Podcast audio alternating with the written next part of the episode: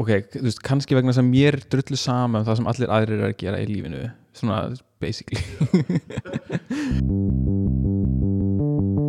er ekki bara öllum drullu sama um það sem ég er að gera í lífinu Halló er eitthvað að frétta Já það er ekkert að frétta Já það er ekkert að frétta Ekkert að frétta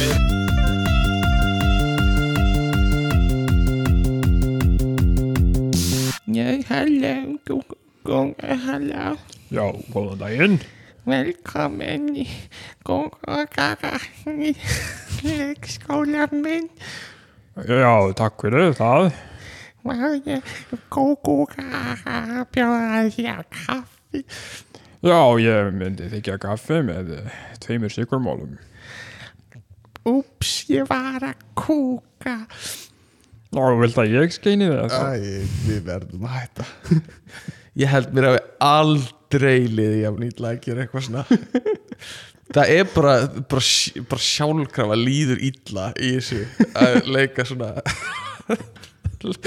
leika svona einhverja barnarönd uh, Ég veit ekki eins og hvort, hvort það var, þú veist, var skýrt að ég var að reyna að vera barnarönd Eh, uh, kannski, þú veist, ef þú veist út af hvað þátturinn mun ganga en Já, kannski En uh, annars bara einhver, einhver Já, já ég Eh, veist heldur ekkit hvert þú ert að fara með Nei, ég vissi það ekki heldur Ég vissi bara að ég ætla að hérna, vera eitthvað svona Banna eitthvað Allavega Barna- barna eitthvað Banna eitthvað, banna stjarna eh, mm, Velkomin í þáttin Ég held að þetta sé 100 og, 100 og 20 þáttur 100 og 20 120 þáttur eh, eh, Ég held það sem við gefum út Það er búið að vera smá svona ringl að því við skrif, skiptum einum þætti upp og svo kom Eurovision þáttur á milli Mhm, og eitthvað svona uh, en hérna bara velkomin í þáttin ég er búinn að taka upp þú veist, þetta er þriðji þátturinn sem ég tek upp í vikunni mm -hmm. uh, tók upp einn improv þátt og svo uh, með gumma í gær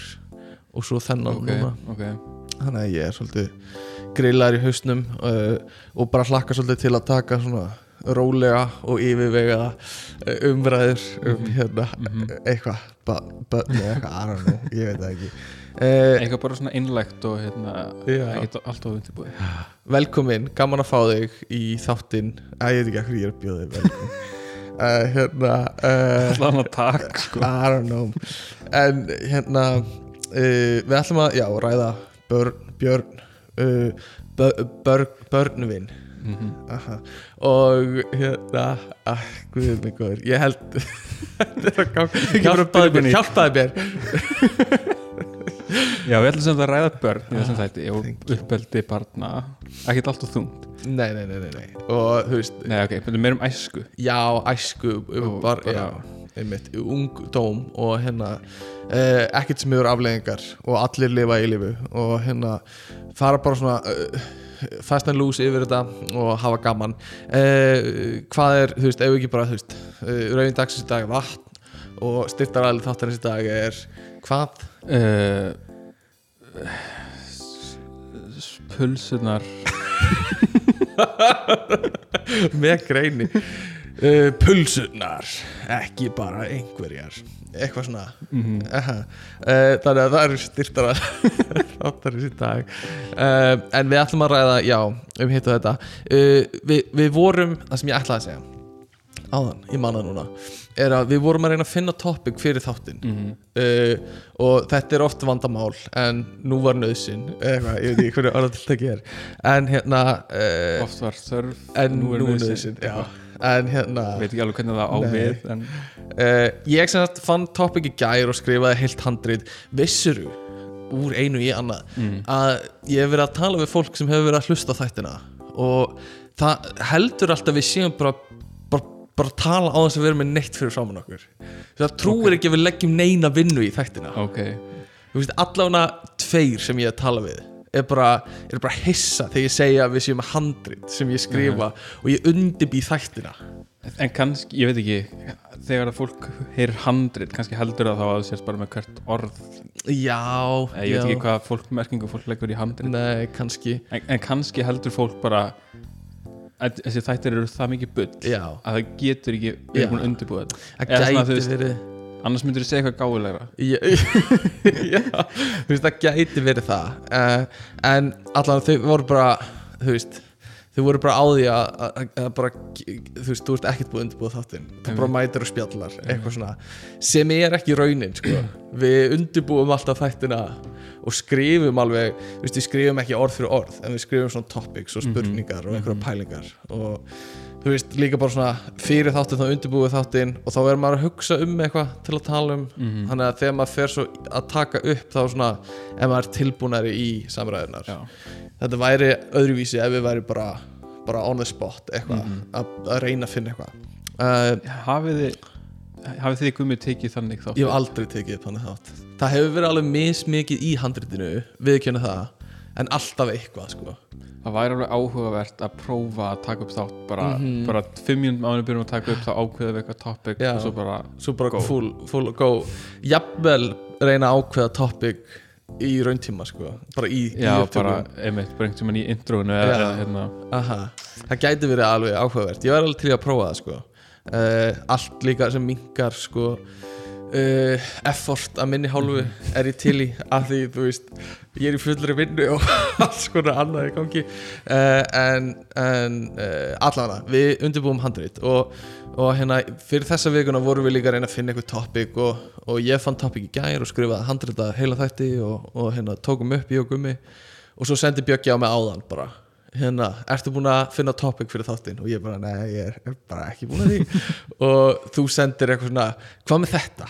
og ég eitthvað, mm, það hljóma svipað á það sem við gerðum hérna eitthvað, hvað með að tala, hvað sendir þú sendir hérna uh, eitthvað með uh, fitness eða svona reyfingu já, og eitthvað. hreyfing og fitness sem er þáttur sem við gerðum basically, semi, já. mjög svipaðan þátt um daginn um heilbreyðan lífstíl og svo segir enn að gera mat og þú veist, veitingastæði og- já, mat og veitingastæði matargerð og eitthvað. eitthvað svona uh, þá gerðum, við gerðum þátt um mat sem var, þú veist uh, 2050 þáttur, þú veist, fyrir 100 þáttum Aha, síðan, Ah, einmitt. gerðum við þátt bara um mat og ég og Gummi gerðum svo þátt um veitingastæði uh, fyrir 15 þáttum eða ég man ekki neitt af því sem ég sagði í þessum ég man matarþætti. eftir einhverju sem þú sagðir ég man eftir, uh, þú grillaðir einhverja sumarpulsu með mangói oh, right það er eiginlega það eina sem ég man eftir úr þeim þætti, þá vorum við að tala um eitthvað svona einhver svona ég man ekki spesrétti sem þú gerir eða eitthvað svona sem við gerum Einmitt. eitthvað svona bjöggi spesial uh, en ég man mjög vel eftir því sko annars man ég ekki neitt eftir þeim þætti uh, og svo segir við mig þegar ég er búin að segja nei, við erum búin að gera þessa þætti þá segir við, hvað með að gera neyslumenningu búðir og ég eitthvað, já flott, við erum ekki búin að gera það loksins bara eitthvað sem við erum ekki búin að gera svo fer ég að skrolla hérna fítið okkar nokkru klukkutum síðar og þá var bara fyrir bara eitthvað tíu þáttum eða eitthvað Mhm. -hmm. gerðu við tveir og Tommy búð sem er bara um verslanir sem er bara sami hlutur og búðir Mhm. Já. Eh, þannig að það var svolítið búið sko Eh, þú veist, það, er bara, eh, ekki, já, það, það er erfitt að finna eitthvað til að tala um Þið voru sko. búin að, eh, þið, uh, já, þetta er allt svona getur eiginlega bókað að, að við höfum rætt að ein- einhvern hátt Já. í einhvern þætti sko. Já. þó þetta séu samt ekki nema 100 þættir eða 100 20, 20 þættir. já. Að það, það er líka, það er allt svona partur af einhverju vennmynd sem svona skarast og Já. eitthvað, þú veist eins og að gera þátt um búðir við erum líka búin að gera þátt um peninga Mhm. og þú veist gjafir og þetta er rosa eða svona, getur verið rosa svipað Einmitt. eftir í hvað teik þú allar að taka á það sko ég mani mig þegar að við gerum þáttum uh, afmæli Nei, eða gjafir, þú Já, veist, ég já. man ekki hvort Já. og svo þáttum Þáttum afmæli afmæli. og bara eitthvað svona, þetta er eiginlega sama. einmitt uh, en allavega þannig að við fórum aftur og lögðum undir feld og, og ég eh, mér dætti fyrir barnæska, ég veit ekki eða eitthvað svona, mm að því við erum búin að gera þátt um elli, Mhm. Einmitt. að eldast ah, akkurát og svona taka hitt tekið á það og svo tökum við miðaldra já, já, já. hérna. eða svo tökum við bara fullarins ári fullorðis árin Úl- eða úlinga. úlinga fullorðis árin, eða ung fullorðin Aha. mið fullorðin miðaldra mm Mhm. -hmm. ég veit ekki Æ, ég veit ekki En svo líka, þú veist, einhvern tíma komum við á þann stað að við þurfum bara að finna eitthvað svona rosalega abstrakt mál Mm. eða svona umræðefni, eins og bara þú veist, bara eilífðin eða, já, já, já. Eða- ég er alveg til í að skoða það sko. já, e, ég veit ekki ég, þú bara veist, tíminn tíminn, frábært topic þú veist, það, er- ég er svona eina sem ég spyr mig er sko, hversu undirbú veist, hversu mikla undirbúinisvinnu þurfum við að fara í eða erum við bara að fara að mæta og bladra og þú veist, er þetta fráhrindandi fyrir einhverja, að því ég veit að þetta er bara áhugavert fyrir marga Mm. en er einhverju sem eru bara fráhrindandi að hlusta á þáttum eilíðina þú veist, Þú veist, þetta- eða það verður alltaf svona svolítið heimsbyggilegt já sem ég finnst ókslega Óneitanlega. Já, já, gaman það að er bara spjalla um geggjað. sko. og örglega einhverjum sem finnst gaman að hlusta á það Mhm. en svo mér finnst að nokkru af okkar bestu þáttum voru um hérna Uh, þú veist, tilvistarhyggja Mhm. og þú veist, geimveru þátturinn það var kannski ekki beint heimsbyggilegur en samt alveg skemmtilegur og heimsenda þátturinn, mér finnst hann líka mjög fín einmitt Eh, Þannig að ég verði alveg til í að skoða það einhvern tímann En hérna uh, Tengdu búðum Sko að því ég var búinn að Það var þannig tveir tímar þar sem ég held við verðum að fara að gera búða þátt sko. Og þá var ég búinn að brainstorma nokkur hluti mm Og svo var ég að keira til því núna í upptökunar Og sá uh, Ólís sem er að auglýsa þeir eru með mikla herrferð í gangi Þeir eru með einhverja herferð í gangi og það er einhver herferð sem snýst um sko vinahópur ólís eða eitthvað svona ok, uh, eitthvað svona kondi vinahópin eða eitthvað þannig þeir eru allan með einhver svona áskriftar þjónustu eða eitthvað og ég er svo mótfallin þessu eh, þessu auglýsingaplotti sem er að gera einhvern veginn fólk vini fyrirtækisins skilur við, að þetta sé eitthvað svona eins og, eins og þeim þykja eitthvað væntum einstaklingin eitthvað vinahóp, þetta er vinahópur te og kaffi og eitthvað svona uh, þú veist, ég veit vildarklúpur og eitthvað. vildar, já en það Þetta er alltaf svona- sama. ég veit það er það, bara mjög samt orð ég veit það en Óli sem er bara, vertu vinur okkar mm, já, einmitt. skilur við sem ég finnst, þetta er svona eins og bara, þú veist það er ekkert sem er ég veit ekki hvað maður á að segja það er ekkert sem er hotlusta í til dæmis, í business bara yfir höfuð Nei. bara þegar þú ert starfsmæður fyrirtækis þá er átt ekkert að vera eitthvað þá er enginn vera- ekkert að vera hotlusta við fyrirtækið þitt bara eins og fyrirtækið þitt er ekki með hotlustu gagvart þér að því leiti að þú veist bara þegar þarf þá skera það frá sér já, skilurðu algjörlega um, þú veist þá að þú getur alveg kunnað vel við fyrirtæki þitt og, og þótt vænt, þú veist bara Já, já. verið stoltur að því Einmitt, og eitthvað, að þú já. ert ekkert bara þú ert ekkert að svíkja og vera eitthvað leiðilegur en þú veist, bara fyrirtækið Þú veist, þau eru bara alltaf að reyna að græða peninga Já. og þú skuld, Já. sem starfsmaður skuldar þeim skulda ekki ekki neitt, sko. og hérna og sama með, svo koma svona auglýsingaherfyrði sem er bara eitthvað þ- þú ert vinur okkar og okkur þykir vænt um þig sem eitthvað svona nei Bara næsti pyrra mig að hvað þú hérna að- að sérst að búa til eitthvað svona hérna, herja á næstu einmannalega fólks að segja þú sérst vinur ólís hérna, bensínstæðurinnar og ert í vinahóp ólís bara hvað þýðir það? Ertu að fara að bjóða öllum vinahópnum eitthvað heimtíðin? Eitthvað, nei fer til sálfræðings sálfræðingum spyr uh, áttu marga vini Vá, sko. Sjísjú, hvar á ég að byrja Ólís, uh, Eymundsson te og kaffi alltaf, alltaf hitta uh, já mm, en hérna já, það, það var svona byrjun á búðir sem ég var að pæla og hérna búðir er ekki, all, er ekki allir business í, í grunnir búðir uh, jú eð, uh, samt ekki uh, eð, veist, að kaupa flug mm til útlanda, þú Já. veist, þú ferð ekki í búð til að gera það Ah, já þú veist, búð er alltaf eitthvað svona þú veist, Viltu ok, hafa þú, get, hillur? þú getur verið með vefverslun Já. þú veist, það er kannski einhver leiti það er búð, búð það er, En það, er- þú veist, það, er ný, það er bara ný búð ég samt skilurðu. hugsa ekki um það sem búð Þú, þú vilt Veist- meina búð sé svona fí- físísk Já, með svolítið. hillur og þú Veist- skoðar hillurnar eða eitthvað. já, alveg, svolítið, já, Eh, Já. Þú veist, já hvort það eru hillur eða slár eða eitthvað annað bara eitthvað svona fysikal rými þar sem að þú ferð og stundar viðskipti Ok, ég vildi meina að búð sé meira svona conceptual já, já, ég get alveg að get alveg basically, verið með þér í þeim heimi Já. eða þú vilt, sko þú veist, að basically allt það sem er einhver svona skipting á þjónustu við peninga eða Mhm. hvað sem það er Einmitt. eh, væri hægt að flokka það sem búð sko. uh, þannig að, ok þannig að þegar þú, þú verslar við þú ég fer í nutt bú, það er í búð. nuttbúðinu Já, nuttbúð sko. kaupi verkfræði þjónustu Já. það er bara búð Já, bara Ertu að segja eflaði bara búð eflaði bara búð Já, eflaði bara búð sko. um, og uh, já, og Ólís er þá líka búð, Myndir, Ólís, er, Bensínbúð. Ólís er bensínbúð Já, sama algjörlega. hvað. skilur það eru hillur en það þú er samt ferð ekki inn. bensín í hillinu sko. Nei, já, ok já, ólýsir bensínbúð Einmitt. sástu í fréttunum í vikunni einhver uh, í bandaríkjunum sem var hérna að sem var að þykjast hella bensíni á bíla sem voru fastir í umferð nei, eitthvað svona bara eitthvað svona, eitthvað svona internet prank sem var svona Prank. prank svona classic internet prank klassískur góðhjartaður rekkur já, það sem er það þú veist fór bara með einhvern svona oljubrúsa dunk sem var búin að fylla vatni held ég mm. og var svona þykjast hell- eða svona hella yfir húttið á bílum og svo þykjast kveikið í mm -hmm.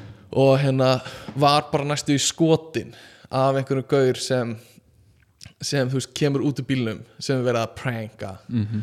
og bara upp með byssuna og bara þú veist, er að fara að skjóta hann ok, alveg eðlilega eða svona þú veist já, þú veist, er eða það svona næst- eðlilega eða þú veist eða- ok, ef- já, vegna þú veist, ok, ef þú heldur raunverulega að manneskinn sé að fara að Já. hella bensín á bíl sem mann, önnur manneski er í já, uh, og þú þú finnst þú vera með þá mm, hérna, skil, þá skildu að þú veist, koma til varnar já þú veist, ef þú værir ef þú værir ekki með byssu þú veist, myndir ekki fara út og Mm. þú veist, gera eitthvað annað en endilega kannski miða byssu þú myndir bara Ég- ég- þú veist, tæ- tækla manneskjuna eða gera eitthvað breakdansa, já, til dæmis bara tröfla breakdans á húttin á bílunum þínum. bara til að distrakta um, jú, sko ég veit það ekki mann finnst sko í fyrsta leið bara það að fólk gangi um með byssur í bandaríkjunum já, það er náttúrulega önnur umræð en Þú veist, ef það er fyrst bara þú ert önnur með umræða, byssuna akkur ekki að nota það já,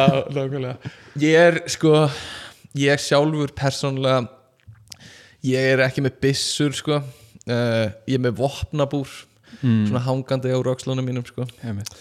en uh, sko ég held að fólk þú veist uh, þetta er svona ákveðin toppur sem var náð fyrir nokkrum árum í þessum internet pranks eins og við segjum mm Mhm, þar sem fólk var svona it's just a prank bro og er svo að gera eitthvað sem er bara svo langt út fyrir það sem væri hægt að flokka sem hrekkur Einmitt.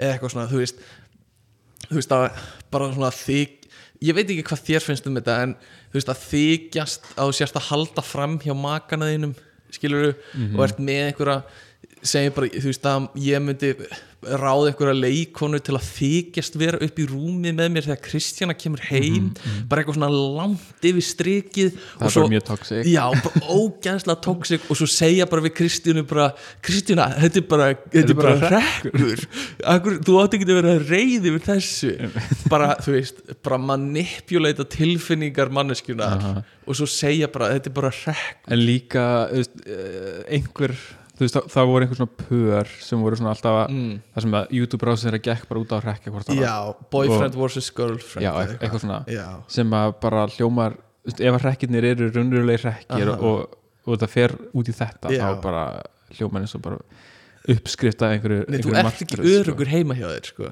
Nei, af því þú veist, þó og þú að- getur ekki treyst neina Nei. sem makiðin segir nokkuð tíma Nei, þó að það sé bara eitthvað lítið bara eitthvað svona, enda eru þau hætt saman sko.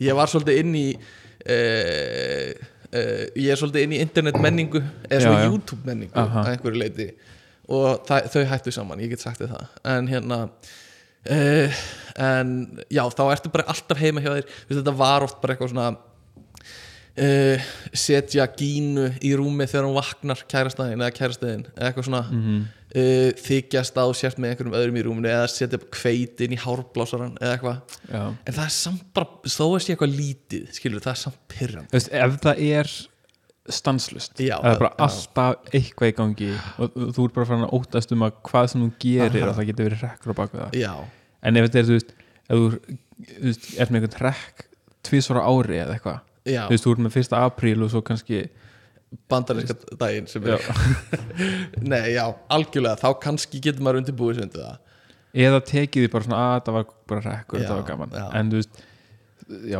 Já, en algjörlega auðvitað er einhver lína sem að þú getur ekki farið yfir Já, ég hugsa það sko og þú veist, ég get ekki ég, ég get ekki ekki það að það sé eitthvað sem ég vil gera en þú veist, ég get ekki brugði Kristjánu þú veist, hún bara, hún meikar ekki að láta breyða sér sko. Nei.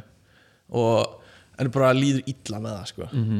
en Mhm. Já. á það oft til að bregða bara upp bara af minnsta Mhm. -hmm. þú veist, ef ég bara kem inn í stofu og hún er að horfa á sjónarspið og lítur svo til hliðar og sér mig Já, þá bara það er bara eins þú veist, ég get alveg sagt Una er bara alveg eins já, hún var hyggstandi á þann og ég hérna þú veist, leta hann bregða Já. því að þú veist, það á, á, á, á að laga hyggstan Mhm. sko.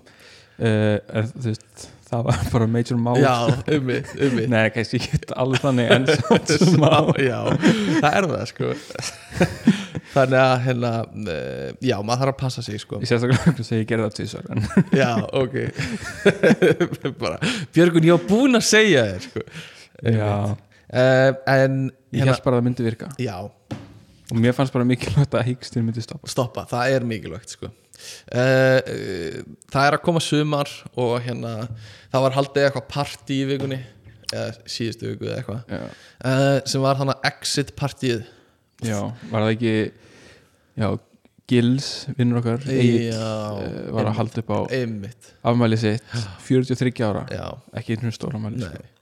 þetta er eitthvað allra vesta þema sem ég hef bara heilt um Þetta er, ég hefur séð exit þættina nei en ég veit Þú um veist alveg hvað hvernig þetta fjallar sirka, já, uh, þess, Þetta eru fjórir gæjar sem eru bara mestu siðleysingjar já, já allar tíma, klæðið sér voða fínt eiga Mm. óslega mikinn pening Já. og flotta bíla og eitthvað svona en já þú veist, mér eist þetta svolítið svona e- ef, ef ég fengi bóð í partí Mhm. og þú myndi segja, já það er exit þema, já, exit eru semast norskir dramaþættir Já. um siðleysingja sem eru ókslega ríkir Já. og já. þannig að og þetta er svona þetta er svona idealæsa sko vel útlítandi menn -hmm.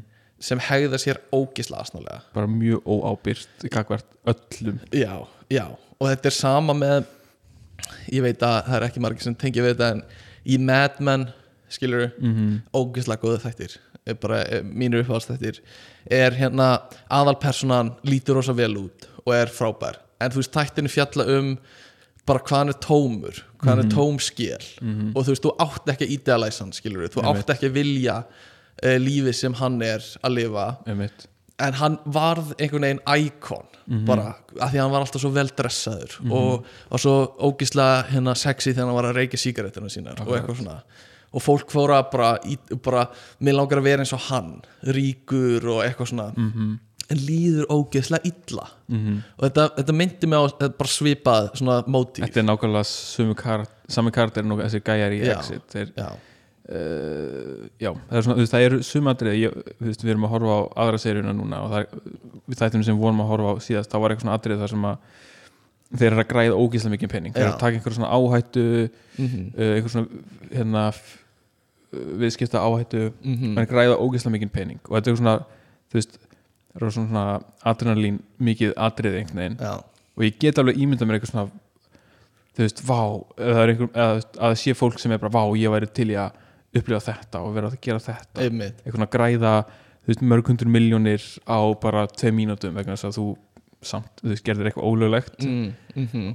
ólöglegi viðskiptahættir en samt já, þannig að, þú veist, það er alveg áhugavert hvernig þessi karakter eru settið fram Já. í, þessum- í þessum þáttum, sko en eru rosalega myndalega eða klæðið sér vel sko. Já, en mjög tómar manneskir, eða tómar persónuleikar já, en svo, já, og svo er þetta partí sem er einhver heldur já, Þú veist, ég, ég veist að fó, maður fólk hafa hérna, gaman þú veist, hvað þema í sínu partí sem, sem það vill og uh, þú veist, það vita allir í þessu partí að þetta eru Vond- fávitar, já, já, uh, vona ég já, en mér finnst samt bara eitthvað svo fyndið að- eða áhugavert að halda, að þú veist, velja þetta þema já ég veit ekki, er þetta verra heldur en að halda Sith party svona Star Wars þemað Sith party skilur, og af hverju er þetta þá verra en það skilur, að því Sith eru vondir og bara drepa fólk og eitthvað Mm, já, en það er samt, þú veist, ég held að sé vegna þess að, þú veist, Sith er ekki til í raunur. Já, já.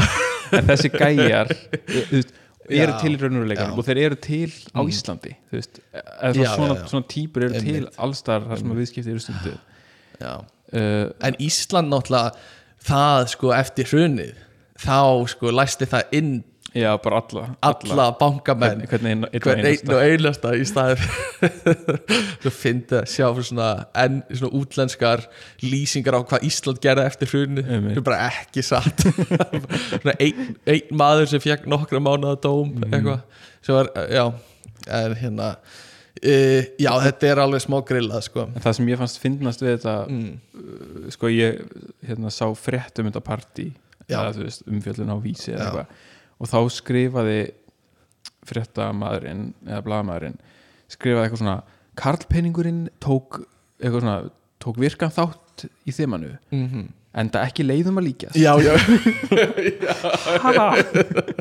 Bara mjög leiðum að líkjast sko. Ertu búin að, veistu eitthvað um hvað þetta er Já, kannski var hann samt- kannski er hann líka svona síðlega Já, bara blaðmaður mér finnst þetta ógeðslega flott. fyrst að gegja sko.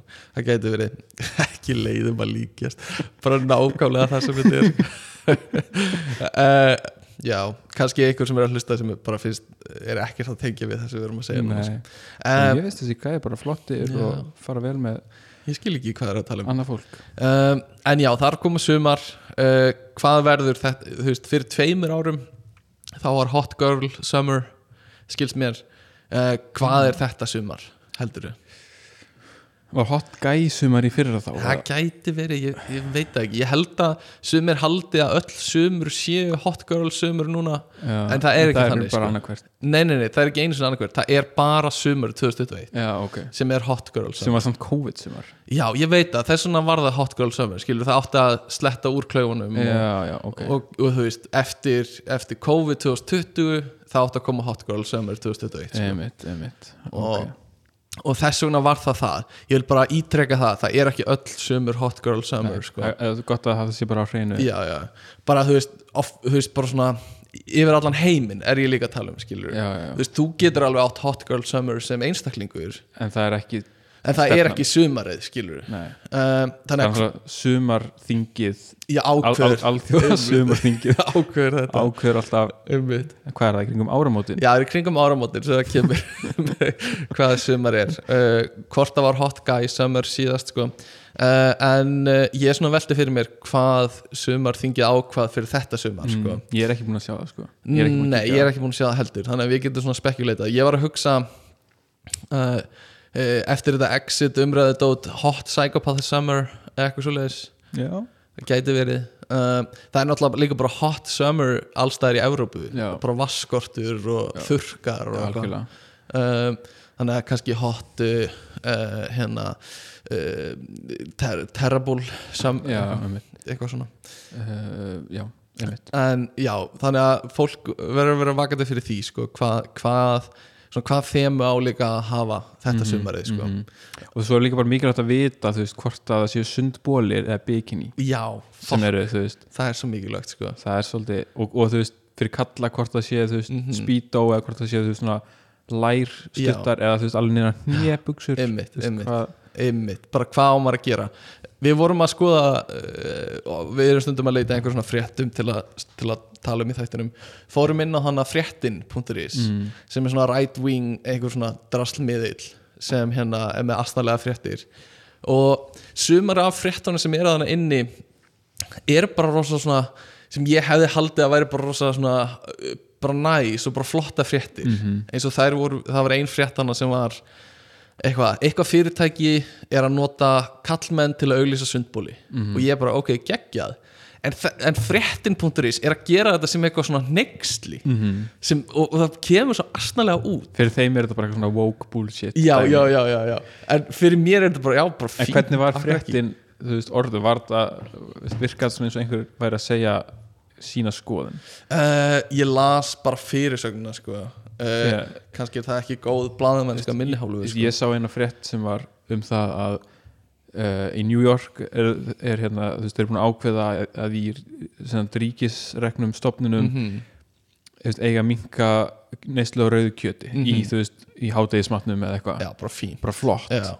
uh, og þau skrifa frétt um það og þau, þú veist, að hverki kemur svo sem fram Nei. í fréttinni að það sé eitthvað svona neikvætt að, þú veist, að þeim finnst þetta að vera asnalegt eða eitthvað, Já. en það maður samt einhvern veginn fær þá tilfinningu bara sem að veit fyrir hvað þessi miðl stendur Já, já, já, nefnilega sko, það er nefnilega málið sko Þetta er einhvern veginn til að nexla lesendur Einmitt. þessa og hérna, ég er með þess að frétta opna um, um sundfata, um kall sem er að eh, gangi í, eh, sem er að auglýsa sundbóli uh, og þú veist, önnur málskreinin fjallar um að reyðir neytendur hafa sakað fyrirtækið um að þurrka út konur með vók markasetningu til að sniðgáka vöru fyrirtækisins uh, og svo talaðu um að hérna nýja sundfatta já, nýja sundfatnaðurinn hluti af Pride 2023 línu Adidas og hægt er að kaupa vörunar í kvennmanns hlutföt nei, kvennmanns hlutanum á heimasíðu fyrirtækisins ekki er tekið fram hvort fyrirtækið fyrir sætan, tjú, það er í lílega að lesa skilgreinir sig sem karl, mann eða trans en aftur á móti er hún fyrir sætan með loðna bringu og bungu á kynfærasvæðinu bara svona taka þetta sérstaklega fram út frá myndunum sem Einmitt, sjást einmitt. sem er mér finnst- já, mér finnst hún svolítið skringilega orðið þessi eða hún er allavega ekki pró uh, þú veist þetta einmitt. sem er ógeðslega, já, þetta er svo sk bara skrítið að því, Já. að því þess að fréttu gæti alveg komið á vísi sko en þá væri það sennilega meira svona jákvæðar sko já, líklega en samt að svo ferðu í hérna, kommentinu þá er kannski að- áhugavert að sjá já, það eru svona alltaf sömu sem eru að kommenta og einhverjir hérna vilja já, með hashtag boycott Adidas fyrir þetta já, já, fyrir erasing women já, já, já, ömmið Ég, ég, ég, varst, já, ég er ekki að sjá það alveg það er mjög, þetta er svo mjög áhugavert teik að, að líta á þetta sem þú veist erasing women Já, já, já Við bara svona, þú veist, þeir eru glæð með grilljón konur að auglýsa alls konar Aha, dót og, aha. þú veist, og ein eða tvær auglýsingar með einhverju kallmari í- já, áhugavert en hérna uh, ég var búinn að skrifa niður nokkuð svona smá um búðir og mér finnst svo leiðilegt að láta það fara til spillis mm. þannig að mér datt í huga að taka bara svona quick fire uh, round þar sem ég bomba á þau spurningum eða pælingum já, ok um, Þannig að, að fyrsta væri þá hvaða búð myndur stopna uh, ef þú hefðir þú veist, annars vegar áhuga á því að græða sem mest og hins vegar á bara hvað hefðir mestan áhuga á því að þú veist, vinna við að selja Ok, og núna þegar við tölum um bú þá erum við að tala um þína Já. mína skilgreiningu uh, Nei, segjum búð sem er að selja Sem Eh, mína skilgreiningu á Já, búð. þína skilgringa búð um, til að græða sem mest Eða bara hvað hefðir áhuga á Þannig að mátt svara báðu eða öðru hverju Þú veist, Ah. gr- græða sem mest bensinstöðar eða hvað Já, en er það ekki svolítið mettaði markar? Það verður erfitt að koma inn á markaðin Jú, með, kannski. Jú, með nýja bensinstöð já, um, Jú, og hérna talandi, já, vorum að tala um þess að bensinstöða vini áðan, vini Mhm. mm. ólís uh, sem eru ekki, þú veist þetta er bara einhver fyrirtæki sem er í bullandi sam, hérna, eru voru dæmd fyrir, sko, hérna uh, s- hvað heitir það Eh, samkeppnisbrot Ólöglegt samráð. já, ólöglegt samráð fyrir einhverjum árum bara ekki fyrir viðskiptavinni, sko Mhm. Sko, ég- ég kannski myndi stopna svona Ok, ég myndi kaupa mér 100.000 vaffa Vaffa. S-ból. Já, þetta er svolítið svona smá inside joke hjá okkur Björgun Já, smá En uh, ef ég á að vera alveg hreinskilin Mhm, Ég myndi, ok Ég myndi viðskipta hugmynd Ok, sem að engin má stela mér nei en mér langar að hérna, þú veist, stopna verslun þar sem að ég eða sem er samt líka eða skemmtistar eða bar Ok, uh, og vegna þess að ég er svona þú veist, áhuga á húsgögnum og mér veist, mm Mhm. húsgagnahönnun og hönnun bara almennt mhm. svona áhugaverð þannig að ég myndi vilja þú veist, kaupa notið húsgögn og Mhm. gera þau upp og hafa þau bara á bar já, en fólk á barnum þú veist, getur bara keift í raunin öll húsgögnin sem eru á staðnum ok svo, svo lengi sem að enginn situr í stólunum þannig að ef þú sér auðan stól Já. þá getur þú bara að fara á barinn og sagt bara ég ætla að kaupa hann stól Ok, já, og, þú veist, en, og þá er þú veist, hluti af reksturinnum er þá þú veist, svona húsgagna verkstæði sem Já. að gerir upp húsgögn Já. og, hluti, og annar hluti er þá hérna, barinn og sem er þá verslunin líka Mhm. já, sko. já Ok, þetta er frekar sniðugt sko en það bannaði stila þessu Já, bara, að, það má ekki sko Mér finnst að svona vera þegar það er svona mm, smá, ég veit ekki trend eða hvað er, svona blanda bari við alls konar anadót -hmm. þú veist, þetta er alls ekkert nýtt þú veist eins og bara bókabúð, máls og menningar er bar og líka bókabúð -hmm. og eitthvað svona -hmm. uh, mætti kannski vera meira af þessu á Íslandi en já, þetta getur verið skemmtilegt sko. -hmm. bara svona, nei, ú, það var eitthvað að setjast í stólinn sko. getur ekki keift hann sko. einmitt Þá- þá kemur það bara dæn eftir eða já, eitthvað já, já. eða býður hann um að færa sig eitthvað svona, hei, getur við þú veist, skiptum stóla eitthvað já, maður langar að kaupa þennan, einmitt. uh, það er li- náttúrulega líka algengt að sé svona kaffihús sem eru líka galleri emitt, þú getur keift myndinar á veggjunum og Mhm. eitthvað svona já. það, mér finnst það líka alveg sniðið sko. Mhm. kannski ég stofni kaffihús sem er líka galleri já, og getur sé hvor stendur Endilega. betur endilega um, ok en hérna hvaða búð, næsta spurning hvaða búð væri svona best til, því, til þess að uh, að þú fengir þrjár, þrjár mínútur um, til þess að fara inn og taka allt sem þú vildir uh, hvaða búð myndir þú velja um, þú veist, ok, erum við að tala um þú veist, þannig að ég er að reyna að fá sem mest ég mestu pening, má ég selja dóti sem ég fæ Eða, þú veist, þú, vegna þess að þú skrifar í handritið hvaða búð væri best að fá þrjár mínútur í til að græða sem mest ég veit það ég, ég veit það uh, hérna, uh, nei, þetta er fyrir því Bara fyrir mig, ok. já, já. ba, ba. þrjár mínútur og ég, ég þarf að halda öllu draslinu út eða þú veist, er ég Þú máttu vera með kerru Ok, svona já, já, já. venjulega búð en ég, þarf, að- ég get ekki bara hlaupið á milli og sagt ég ætla að fá þetta Nei, nei, nei, nei, nei, nei. Um, Þú Veist, ef, Þegar ég var yngri hefði ég örgulega sagt elko sko. já, það er alveg og ég held að sé alveg ennþá hátt uppi Já, sko. já, Ég, já. þú veist, það er alveg fullt drasli elko sem Einmitt. ég get alveg ímyndað mér að eiga Mhm. En maður á, þú veist, sjónvörp og uppþóttavél og þóttavél og eitthvað svona já um, En ég veit ekki Þú Ég getur- get alveg tekið mér nýja tölvu og Já, reyndar myndavél og, og þú veist, KitchenAid og eitthvað svona já, já. dót, sko. Einmitt. en, og Elko er náttúrulega bara ég farið að selja bara Já. allt Þú gæti farið líka hjá kassanum og tekið stóru Haribo-pókana og bara fyllt kerruna Já, já, af Haribo-pókum algjörlega, algjörlega. og keksinu þannig sem, sem ég finnst alltaf svo fyndið að elko er að og selja fidget spinners Já, og fidget spinner hérna. hana Þú veist, hver að fara í Elko og þú ert búin að, þú ert búin að velja þér einhvern nýjan tölvuleik eða eitthvað, sjónvarp eða eitthvað og ert við kassan og bara hmm, já, ég gríp með mér 2 kíló af Haribo Sem einhver, þú eru sko. hjúts pokar ég veit það þetta er, þetta er bara til þess að selja eitthvað meira Já, þú veist, sko- sennilega og meðan að fólk er að býðir þú lætur það svona, Já. svona vera svona sná, einhverju snákaru Já, sem já. er eitthvað lengst út í Einmitt. búið Ég veið ekki nú, ég hugsa alltaf ætti ég að kaupa þetta sko einmitt, uh, og þú veist, ég borða ekki mikið gummi en en Kristín að gera það Mhm. til dæmis, þú veist, fyrir jólin eða eitthvað, hugsa ég alltaf að ég að kaupa kíló af Haribo til Þannig að að setja kannski í er þetta gott valjú ég, ég veit gæti ekki. verið, eða bara ekki skilur, einmitt, gæti líka verið uh, en svo var ég að hugsa, þú veist skarkgripaverslun En þá, þú veist, þá ertu komin í þá pælingu að selja það Já, en, við, já, en samt ekki eða, þú veist, þá yrði ég bara skarkgripa maður eftir það, skilur já, en þú veist, en, þú veist ok, ef þú ert að tala um þrjár mínútur Aha, uh, þú þarft le- meiri tíma en þrjár mínútur til þess að velja einhverja skartgripi sem þið finnst fallegir þú myndir bara grípa allt býst ég við skilur. og svo bara velja eitthvað af því Já, og svo bara eiga eftir. þetta restina Já. bara Einmitt, úr, þú getur tekið fullt öll úrin sem eru þar mm. og eitthvað svona, ég veit ekki hvoruður okkur notar mikið að skartgripum uh, fyrir mér er það rosa bara pyrrandi mm, að hafa eitthvað hangandi á, á hérna, uh, hálsinu mínum eða á puttunum mínum eða eitthvað svona ringa og eitthvað mhm, um, skilja ég en úr kannski Já, uh, ég held að kannski svona útivistar verslanir Mm. það er, þú veist, Mm. Ah. því að útivistar föt eru fáralega dýr, dýr, já, en maður vill samt eiga þau einmitt Þannig ég að- passa ekki neitt aðeins sko. ég get Nei, ekki valið þetta Nei, einmitt.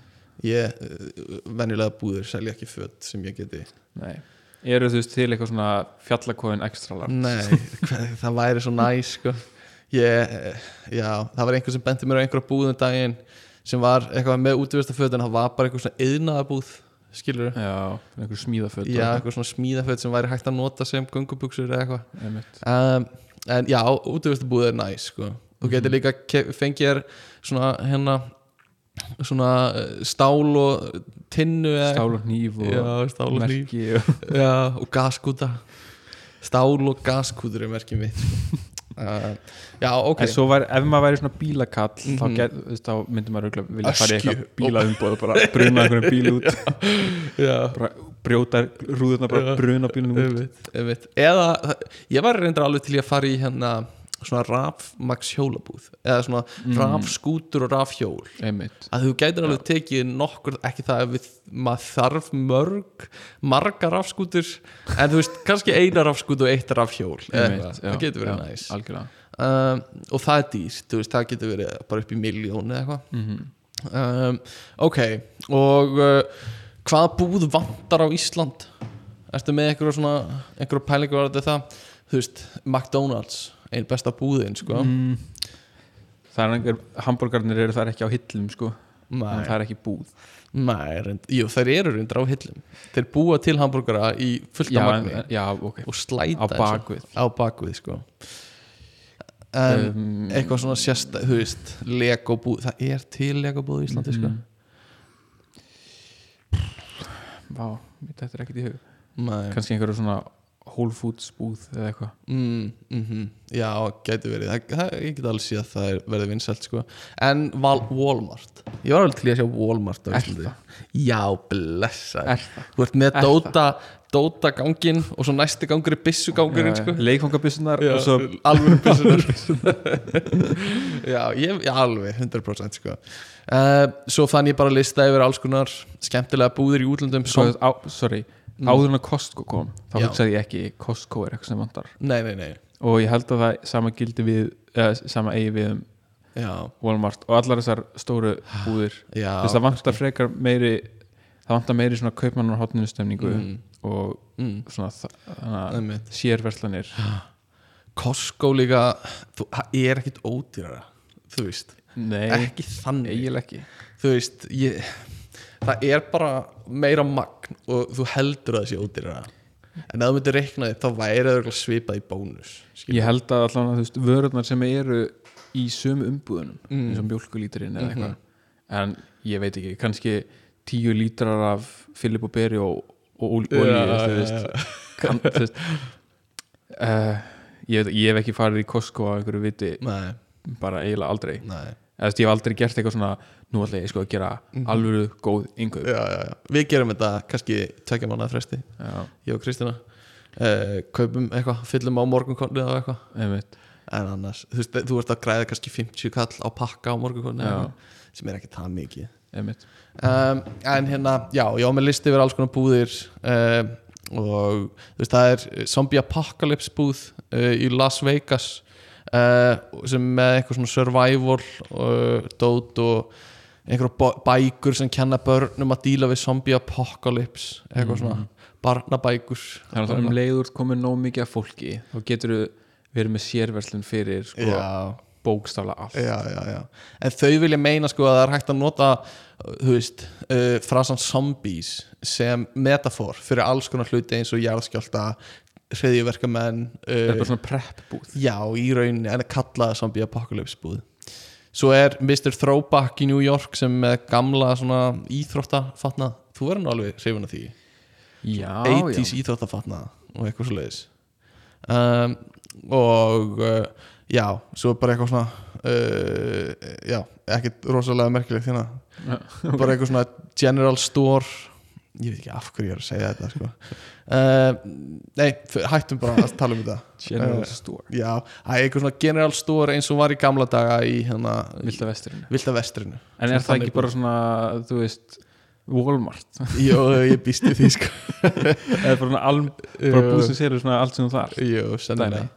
Svo er talað um San Francisco Sock Market sem ég væri alveg til í að fara í mér er skaman af skemmtilegum sokkum sko. uh, En allavega, þetta var svona quickfire á búðar topic sem mér datt í hug áðan uh, Varst þú með eitthvað skemmtilega fréttir svona öðruvísi fréttir eða svona kannski uh, sko mm, mm, sko þú varst að hlæja yfir einhverju áðan þegar við vorum undirbúða hverju var ég að hlæja við? Æ, þú varst að hlæja yfir kartöflu myndinni já, einmitt, kart kartúli myndin á í bændablaðinu Já, það var, já, það var eitthvað um hérna kartöflu skort, nei heimsmarkasverð á kartöflum uh, sem er uh, á mikill uppleið Þú veist, ég ætla bara með fullari virðingu mm -hmm. fyrir bændablaðinu þá er þetta mjög óáhugaverð frétt sko. Já, en þú veist, ef þú ert ímyndar og sért bóndi, kartablöðbóndi kartöflubóndi Já. einhvers staðar í þeikva bænum og ég á bara allt mitt undir kartablu uppskýrunni Einmitt. Ah. Nei, já, en það sem að fyndi var myndin sem sem Já. var bara endalaus mynd af kartöflum Já, og hún er skrollaði svo- niður Já, hún er svo löng og mjó og skrollaðar og skrollaðar og bara kartablur og kartablur og kartablur og kartablur Einmitt. sem ég fyndin en var ekkert, ekkert, ekkert af þessum linkum sem ég steildi með þér um strange news í útlöndum Uh, sko nei ah. ja, þú veist, því miður, ég náði ekki að skoða vegna þess að ég var að lesa bændablaði Ah.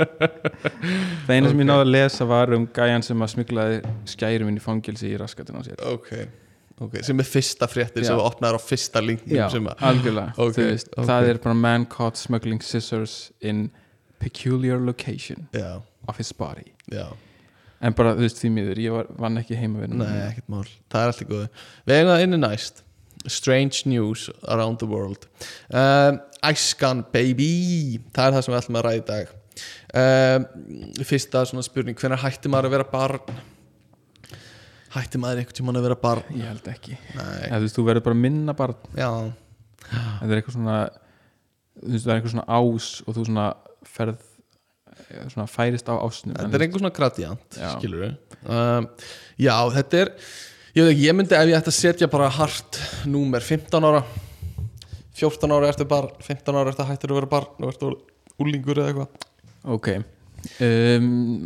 Þú veist, í bandaríkjunum eh, ekki bandaríkjunum úr sýrður af bandaríkjunum þú veist, í ennskumældi löndum þá ertu með þetta mm, þú veist thir- 13, 14 skilur þá, eru tí- þá ertu teenager táningur þeir eru oft með sko teen fyrir aftan árið þitt, Já. skilur þá ertu barn 12 12 ára og svo 13 ára ertu orðin það er bara eins og þú Unglingur. tá- þú getur sagt og táningur Já. 13, 14 já, já, og svo já. verður þú tjáningur já, já, einmitt, tjáningur uh, og svo, þú veist og það er eitthvað sem heitir líka uh, tween í, bandarík, eh, í útlöndum já, sem er svona aðeins yngri en úlingur einmitt uh, uh, between já, eitthvað, barn og úlingur uh, en ég myndi segja á 15 ára held ég, þá byrjar ég mentaskóla já, uh, tíundu bekkingar, þeir eru alveg börn er það ekki, mm, Eh, ég- já. uh, uh, og svo, já ég alveg ég skilgrein alveg æskuna mína sem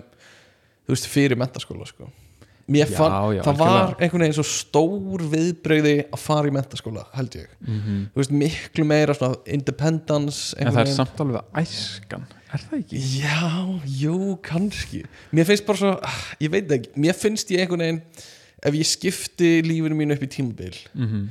Þá finnst mér ég næst eiginlega að vera bara í svona samfelldri línu ennþá við mig síðan á metaskóla sko. já, Þú veist, Mér finnst miklu meiri munur á mér síðan úr tíundabæk eða síðan bara í grunnskóla og svo einhvern veginn var ég orðin ég meira í metaskóla En þú veist, finnst þér þú hafa verið orðin þú Mm. bara um leið og lappa er um dittnar á fyrsta daginn? Næstu í hausnum á mér sko.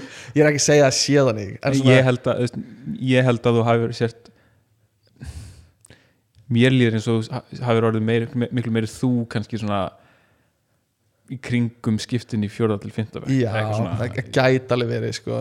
Þú veist, Ég veit það samt ekki Já, og maður þroskast rosalega mikið á þessum árum Já, og þú veist, svo fer líka bara þú veist, þú þroskast við alls konar bara upplifa alls konar hluti Mhm. þú veist að hérna örglega þegar þú byrjar að drekka og eða eitthvað svona og svo líka bara í- þau fyrir gegnum sambandslit og eitthvað svona þú veist, það er alls konar hlutir sem svona þroskað mann Mhm. einhvern veginn uh, en þú veist, ég, ég veit ekki, ef ég ætti að skipta þú veist, þá myndi ég skipta æfinni í bara svona þú veist ok, skiptum bara æfinni, skilur, Mhm. við fyrir bara allir þú veist, þá ertu bara, bara baby bara lítill baby baby skilur, þá ertu Unga kannski, barn. já, unga barn tveggjára, skilur, er 0 til tveggjára og svo kemur tímabilið þryggja upp í svona 5 ára þar sem þú ert einhvern veginn svona lappandi og talandi svona Mhm. bara baby ennþá og svo þegar þú byrjar í grunnskóla þá ertu kannski fyrsta bekk upp í sjötta bekk, fymta bekk, sjötta bekk ertu bara barn, barn einhvern veginn og svo barna, barna barnabarn, já, og svo finnst mér nýtt tímabil taka við, þú veist, sjöunda bekk upp í tíunda bekk, mm -hmm. minnst það svona tímabil og svo er mentaskóla tímin og svo er háskólatíminn og svo er eftir háskólatíminn ok, Þú veist, þetta eru svona tímabilin sem ég myndi skipta upp í það sem eru svona einhvern veginn stóra breytingar ok en þú veist þetta er, nú ertu svolítið að generalisa fyrir alla Un- 100% eða þú veist, þú ert að taka þetta út frá þinn eigin upplifun Já, minni eigin upplifin að einhverju leiti en líka bara svona mm, þú veist, tímalega síðan og bara almennur þroski En- barna en- já, Eh, ok, en þú ert þá að meina þú veist svona tíminn sem venjulegt fólk Já, er í þessum já, skólastígum Já, svona í rauninni þú veist, og svo er náttúrulega það, það, mjög persónubundið skilur uh, og bara mismunandi hvernig fólk þroskast og það er að oft talað um að stelpur þroskist aðeins fyrr og eitthvað svona um, þannig að það náttúrulega tengist al, alls konar hlutum en ég myndi segja svona general myndi ég skipta svona ævinni m- hinga til af því sem ég þekki Mhm, svo tekur örugglega eitthvað meira við senna uh, en þá myndi ég skipta upp í þetta Mhm. sko og já, já, mér finnst þetta ekkit uh, er- þetta er ekkit galin skipting sko. nei uh, en þú veist, ertu þá finnst þér þú ok, núna ertu svona tiltölan nýkomin bara svona út á atvinnumarkaðin bara, finnst þér þú vera fullkomlega fullorðin núna þegar þú ert- bara- þú veist, það er bara Mm. Já, ég veit, þú veist þetta er það sem ég er líka að tala um með sko, með mentaskólan Þú veist, mér finnst næstu eins og ég sé sami einstaklingur og ég var í mentaskóla sko. ok, uh, en ég er það pottit ekki sko. nei Já, bara svona erfiðar með að greina stórar breytingar já, og þú veist, það, það eru náttúrulega fullt af breytingum sem hafa átt sér stað og ég hef þroskast og ég hef breyst og persónleiki minn hefur breyst og eitthvað svona Mhm. fullt af hlutum en hérna, svona, mér finnst erfiðar að greina það nákvæmlega frekar en bara þú veist, þegar maður stökk úr grunnskóla en hvert, hvert heldur það gæti verið næsta stóra stökk í þínum bara þroska mjög basic örgla, þú veist, ég held að allir segi svipa, bara eignast börn skilur við já, ég held að sé, þú veist það er kannski það ég veit ekki, ef þú ert mjög atvinnu fókusaður svona, eh, þá kannski þegar þú færð einhver manna forráð eða eitthvað, skilur du mm, ég er ekkit það atvinnu fókusaður svona í persónulega lífunum mínu nei ég reyna að skilja bara starfsfjörðurum minn eh, bara eiginlega frá persónulega lífunum mínu mm þannig að ég myndi ekki skilgreina mig út frá því en sennilega bara þegar maður eignar sparn sko. um, og já, ég veit ekki ég veit ekki hvað annað, það er ekkert annað í lífun þú veist það er ekkert, það er ekkert Þú veist, við meira getum eftir í það- lífunu skilur getur náttúrulega uh, ok, það er kannski ekki jafn stort Mm. skref eins og víð annar staðar en þú veist að giftast mm, mhm. en þú veist, á Íslandi er það einhvern veginn orðið svolítið mikið, bara, þetta er bara svona formsatrið einhvern Já, veginn, ég Þetta er sé ekki hefur alveg- ekki svo Nei. mikið áhrif með við bara það að vera í sambúð eða eitthvað, Nei, einmitt Ég sé ekki alveg Þú veist, þó ég myndi gifta mig Ég sé ekki að það myndi breyta neinu sko. Nefn að ég þyrst að kalla kæristuna mína eiginkonu mína Mhm. Eitthvað sem, þú veist, ekkit annað Einmitt. Þannig sé, en ég get alveg skilið að fólk sem leggur meiri einhvern veginn svona gildi í uh, í giftingu Mhm. eða brúð, uh, já, hjónabandið hjónabandið Mhm. að það kannski skipti meira máli fyrir þau, svona symbolist sko. Einmitt. um, en ég er ekki alveg þar sko. fyrir mér er miklu starra að skrifa að flytja inn saman sko. já, ég held að það sé uh, já, ég er alveg sammála því mm.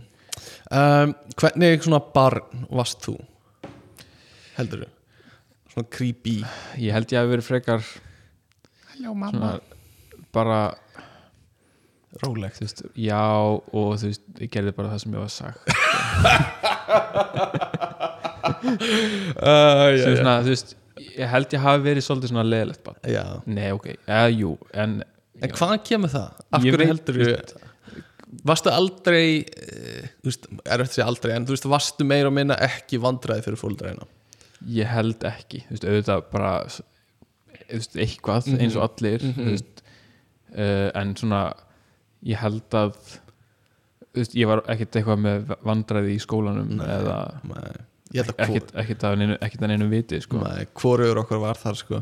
við hérna við erum, við áttum rosalega svipaða æsku held ég, að mörguleiti já, náttúrulega ekki að öllu leiti en að mörguleiti held ég þú veist, uh, við hefum báðir uh, bræður sem eru aðeins eldri en við mm uh, við vorum náttúrulega bara í sama skóla sama leikskóla Sama skólakerfi, sama bara- skólakerfi bara a- alveg í gegn um, og þú veist við hefum báðir afa sem heita öðru nafninu sínu eða þú veist, kalla sig Já. eftir öðru nafninu sínu uh, einmitt, og eitthvað svona uh, pappi þinn var úr sveit, er það ekki líka jú og pappi minn var úr sveit já, Hvern, hvað hefur það að gera með æskun okkar Nei, bara svipað Já, svona hérna, svipað svona heimili sko. uh, þannig að, að hérna uh, já, við, það, eh, það, er, það er eins og ég sé að tala að mörguleiti við sjálf mig sko, að spyrja að því ég held samt að ég hafi verið aðeins leiðilega eða svona, ég var aldrei kannski mjög erfið barn, nei, en ég var líka ekki algjörst engla barn held ég. nei uh, en þú veist, maður, ég held að sem foreldri, Mm. ég hef svona stundum hugsað þetta, að maður vill ekkit endilega eiga algjörst englabann Nei. að það er svona einhvern veginn mér líður stundum og að ég veit ekki, mamma er örgulega ósamála Mm. að þú veist, að ég hafi kannski ekki sínt alltaf mikið svona persónuleika einhvern veginn. já, emmitt finnst þér, hvenar finnst þér þú hafa svona byrjað sína persónuleika heldur og ef þú ert byrjaður sína persónuleika uh, og heldur þú Þú veist, sínir persónuleika eða- út af við að ég tek eftir persónuleikið er Já, heldur þú sér duglegur að sína persónuleika út af við ég held að hann sé almennt svolítið hlétrægur -hmm. um, þú veist, au- au- auðvitað náttúrulega ef þú eyðir miklum tíma með mér já, að þá smám saman sérðan, Já, já, en já. ég held svona hann er hann að gú, halló hann er rannar baka einhvers staðar að reyna að brjótast út uh, hann byrtist þegar ég þarf að kúka já og ullar hann út alltaf þá kemur hann einmitt, uh, já, ég veit ekki þannig að tjóðvill ertu skemmtilegur á klóstinu ég er alltaf bara með einhverjar uppistand já, hrókur er alls fagnaður sko. uh, nei, en já, já hvað segir þú, varst að tala um eitthvað já, ég, ma- ég man ekki ég held ég að vera búin að segja það sem ég ætla að segja sko. en heldur þú í gagfræðaskóla það hefur farið að sjást meira á persónuleikuna einum um, við byrjum Ég að verða veit- svona vinir þá, já, en á sama tíma þú veist, uh, þú veist ég dróð mig alveg freka mikið í hlje í, í gagfræðaskóla mm -hmm. það var kannski svona þú veist, eins og hjá- svo hjá mörgum þú veist, þegar þú kemst í mentaskóla sem var svona eitthvað fyrir að gerast já, já uh, og svo kannski, já, svo er bara svona smám saman mm -hmm. meira og meira en, en þú veist, mér líður samt og, þú veist, og, og líka svona, já, ég er bara kannski farin að sætta mig við það, það er bara einhvern veginn minn persónuleiki að vera svolítið svona já. aftur uh, var það einhvern tíman eitthvað sem þú vildir að væri öðruvísi þú veist, já, já uh, já, já Þess, mm Mhm. ég held að sé bara svona þegar maður er kannski um, þú veist, þegar allir eru geðið uh, hvað að segja, félagslindir Já. Mhm. á, eða svona þú veist, út, útkverfir já, já, já að þú veist, að vera in, hérna introvertin, að þú veist, Mhm. auðvitað verða smá svona þú veist, óöryggi í því mm -hmm. mm -hmm. en svo bara fattar maður að þú veist, það er bara maður já, Þú veist, þann- þannig er maður bara einmitt, einmitt og þú veist, það er bara kostir í því Þa, það er ja, algjör, algjörlega sko um, ég hérna já ég, ég veit ekki ég náttúrulega,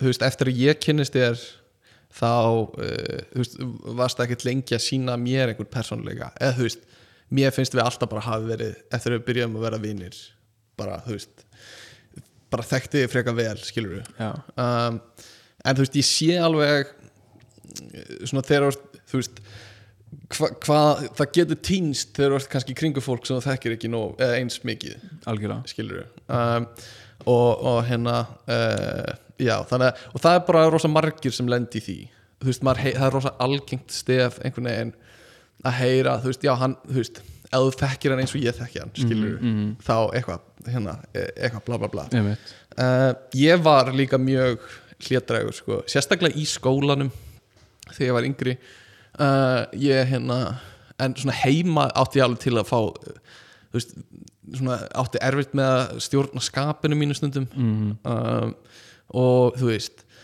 uh, en ekkert eitthvað ég veit það ekki, það var gaman að hafa mömmu til að greina þetta betur, sko, hún manur miklu mér eftir, því. en aldrei eitthvað mm, aldrei ofbeldisfullur eða þannig nei, uh, ég, bara það er ekki eitthvað sem er í mínum orðaforða einmitt þú veist, ég myndi ég hef aldrei lent í slag og ég hef ekki áhuga á því þannig séð og hérna að, þú veist, að beita einhvern svona líkamlega ofbeldi bara andlega í- í- já, hva, þú veist, bara beita ofbeldi yfir höfuð er bara, það er bara ekki ekki eitthvað sem er, þú veist sem ég tengi við, sko Einmitt. eða, mynd, eða hef gert, sko ég, það er ekki eitthvað sem ég á erfitt með að stjórna líka sem er eiga bara erfitt með að stjórna því býst ég við líka, einmitt einhvern veginn svona ofbeldis hegðun sinni mm uh, ég hef alltaf, þú veist, það hefur aldrei verið vandamál um, en þú veist brjóta hluti og rífa úr hillum var alveg eitthvað sem ég gerði þegar ég var yngri sko. ok, uh, ég er miklu stóiskar í dag heldur en ég var þegar ég var yngri sko. en alltaf bara heima, skilur já, já hún- aldrei í kringum einhverju sem ég þekkt ekki sko Nei, akkurat. held ég um, og uh, var, ég var náttúrulega í- ég var í svolítið svona villumannabekk sko. já, uh, held ég sko ég þú varst eng- engillinn í, í þeim bekk. já, ég man einu sinni ég, bara, ég er ennþá brendur eftir það sko. þá talaði ég inn í einhverja kennslustund lengur úr fríminótum inn í kennslustund lengur og það var einhver svona tabla það voru, það voru reyndar allar svona aðferðir og bekkin minn til að eh, þú veist, til að passa að fólk hegðaði sér já, einhver svona hegðunar aðferðir á bekkin já, og þetta var á tímbilið þess að var einhver svona tabla þar sem var skrifa nafnið á þeim sem hegðaði sér ítla einmitt og ég talaði of lengi ég satt með bakið í held ég kennaran og var eitthvað að tala bara já, og, og svo voru allir þagnaðir nema ég og ég leit svona við og hún var að skrifa nafni mitt á töfluna og ég þetta bara eyðilaði mig sko. ég man ennþá eftir þessu ég er endar, get alveg sagt svipaðu sög, en þetta var, þú veist, ég veit ekki hvað bekk þú ert að tala um, en ég, þetta var auðvitað bara í fyrsta öðru bekk sem, Já. ég- sem ég er að hugsa fyrir mig, þá var þetta mjög svipað þannig að þá voru eitthvað svona þú veist, þá voru eitthvað svona þrýr pókar á töflunni þetta er svo þetta er svo fyndið að pæli þessu núna og þá, þá voru svona þú veist svona, og þá voru öll nöfnin á, í- á krakkunum í bekknum Já. og það var eitthvað svona guðst góði póki og, svona, og svo svona eitthvað svona miðjupóki Þetta er eitthvað svona, svo þú voru svona, þú voru á hálunni Já. í póki og svo Já, þetta er rau, svona- rauði póki þetta er þú svona veist. myndapokum, svona tvíviður pokum Já, já, já, já, já, já, já, ég veit hvað það og hérna, og þú veist og ég var náttúrulega alltaf í bara græna póka Já, já. eða þú veist eitthvað góða pokunum en svo, ég, svo man einhvern tímann að þá ferði kennarinn mig nei, sko. ans og ég, þú veist, ég man ekki hvort hún setti mig þú veist, beint í, í rauðapokan eða hvað gerðist en ég var alveg frekar móðgæður já, bara ha, ég, já, algjörlega ég man, ég, þetta var bara þetta var nákvæmlega eins, sko, yeah. svipadóð sko. uh, en ég, þú veist ég var ekki ég held ég hafi ekki verið móðgæður ég var meira bara svona svektur út í sjálfa mig mm. bara hvernig dattir í hug að tala í, þú veist, lengur heldur en hún mátti tala, skilur einmitt mér finnst það svona þú veist, krakkar ættu svona að stefna á því að dansa þarna á milli sko gula og græna poka já, ég held það, sko uh, svona dífa tánni í gula af og til eða bara 100% og þú veist, sína lit þú ég er veist. alveg ekkert að gaggrína börn heldur að þið fari rauðapokan sko. eða þú veist það með alveg einstaklega sinni fari Já, já, rauðapokan algjörlega. það, það er bara karakter í því sko. um, en já, ég held við báðir svona, svona gradually held ég uh, ég líka held ég að hafi þróast svona opnari, alltaf hægt og rólega uh, þú veist ég ég átti, ég var ógæðslega stressaður að tala fyrir fram að fólk mjög lengi mm. bara alveg fram í bara men, byrjun mentaskóla sko.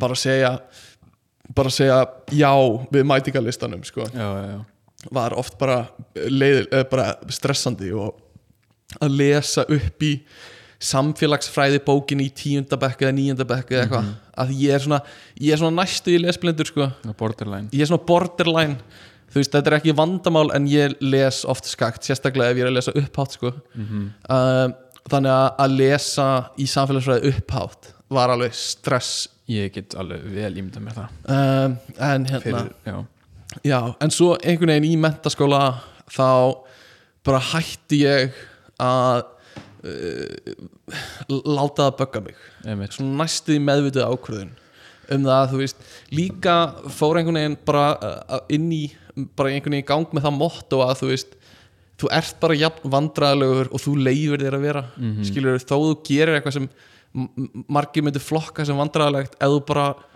þú veist eða þú bara Ónar það bara. Já, ónar það og bara ferð inn í það með sjálfströst skilur þá er, þá, horf, þú veist, þá er ekki fólk að hugsa þessi vandræðalegt einmitt, uh, og bara svona í kannski þriðja bekk í mentaskóla öðrum þriðja bekk, byrjaði ég svona Mhm. svolítið að, að svona bara fókus á þetta og bara hætta að stressa mig á því að verða vandaræðilegur ég er ennþá, þú veist, það er ennþá margir hlutir sem eh, l- þú veist, ég myndi ekki gera því mér finnst þið cringe, skilur sem er kannski uh, eitthvað sem ég a- ætti að vinna í eða ekki, eins Eins og og bara að- samfélagsmiðlar já, einmitt Já, bara posta á samfélagsmiðla Mér finnst það ennþá eh, óþægilegt já, en, þa en þú veist já, en þá ég, ég tengi mjög við Mhm, það mm og, og mér er það bara svona, bara svona hvernig maður á að hegða sér á samfélagsmiðlum Aha. eða einhvern veginn svona uh, þú veist, þi- einhver hlutir sem að mennilegt fólk gerir þú veist, tíu sinnum á dag Já, næstu því, já. bara svona eitthvað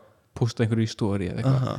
og maður er bara svona þú veist, maður hugsar það í svona tvo daga áður en maður posta Já, einhverju stóri já, eða þú já. veist uh, Þú veist, mér finnst þægilega að fela mig bak við sko, ekta frétta akkántin og posta þar uh, en á mínu persónlega setja eitthvað í story bara eða posta á, sérst, bara posta á Facebook eða eitthvað svona já.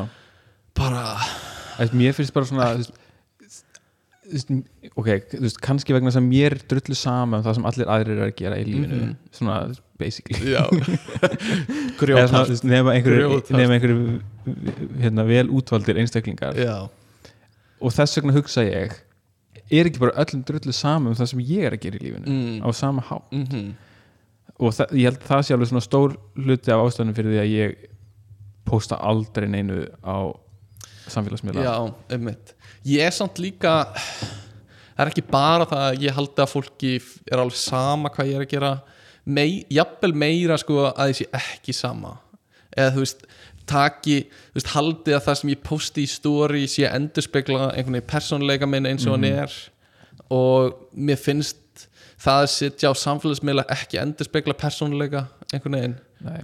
uh, og að, að, að ég komi út skakt eða að fólk upplifi mig eh, á einhvern annan hátt en ég er einmitt.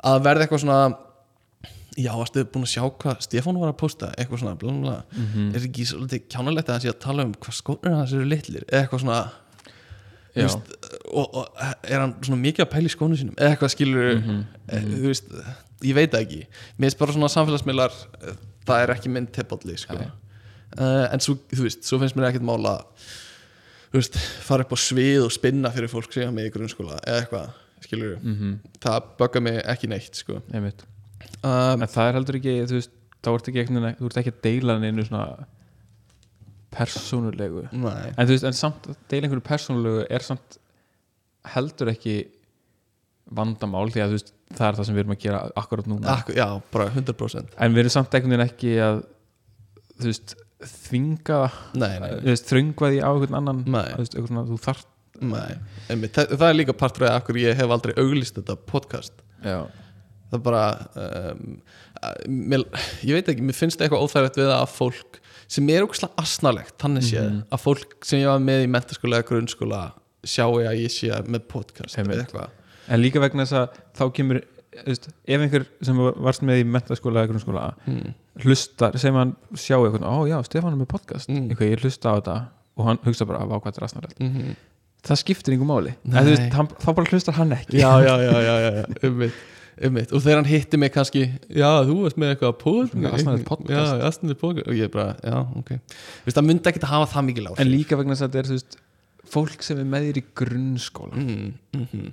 sem að er bara þú veist, þú veist, það er fólk sem að þú veist, var sett í- með þér í bekk bara vegna þess að þetta er byggu nált hvort já, annað, já, basically já, já. Þú veist, þið, þið höfðu ekkert samvegilegt en Nei. um leiður komin í þú veist, mentaskóla eða eitthvað, þá ertu svona svolítið farin að velja þér já grúppuna svona, einmitt Þú veist, allan að fyrir mér, þú veist, ég held að ég, áður en ég basically hætti á Facebook að þá, þú veist, var ég búin að Ertu unfollow hættur á öllu. Facebook?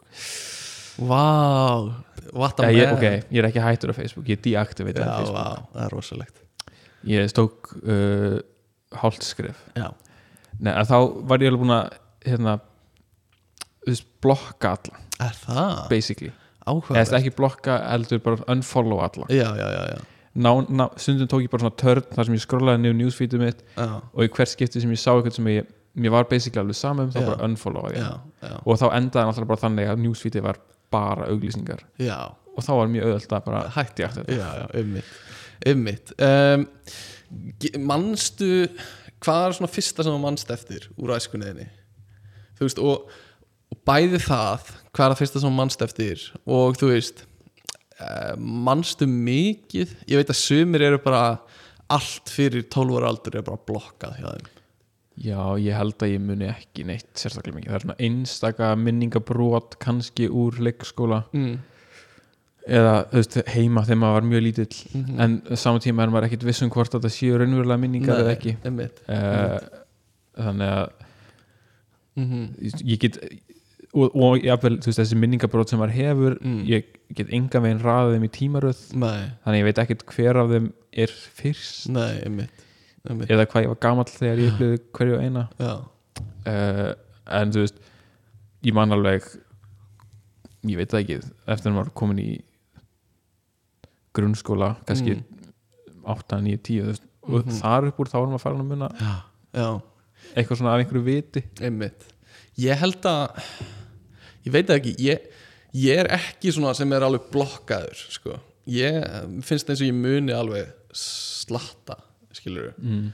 Vist, ég man eftir fyrsta skóladeinum og að fela mig undir rúmi og eitthvað uh, ég man eftir þegar Tryggvi var að fara fyrsta skóladegin sinn sem er ára á undan mér sko. Mm uh, og hefur svona smá minningu af gömlu íbúðin okkar áðurum fluttum í Garðabæin sem var þá þú veist, þá var ég 30 ára kannski eða Já. eitthvað uh, og, og líka bara svona þú veist, það er ekki eitthvað svona kemur eitthvað svona blind spot þú veist, ég man alltaf væntalega ekki allt en þú veist ég hugsi ég mu- muni alveg svona eitthvað af öllum árunum eftir 5 ára sko ok, uh, og uh, já svona að einhverju leiti þannig að mér fannst svolítið skrítið þegar ég heyrði því fyrst að því að fólk sem myndi bara eiginlega ekki neitt sko.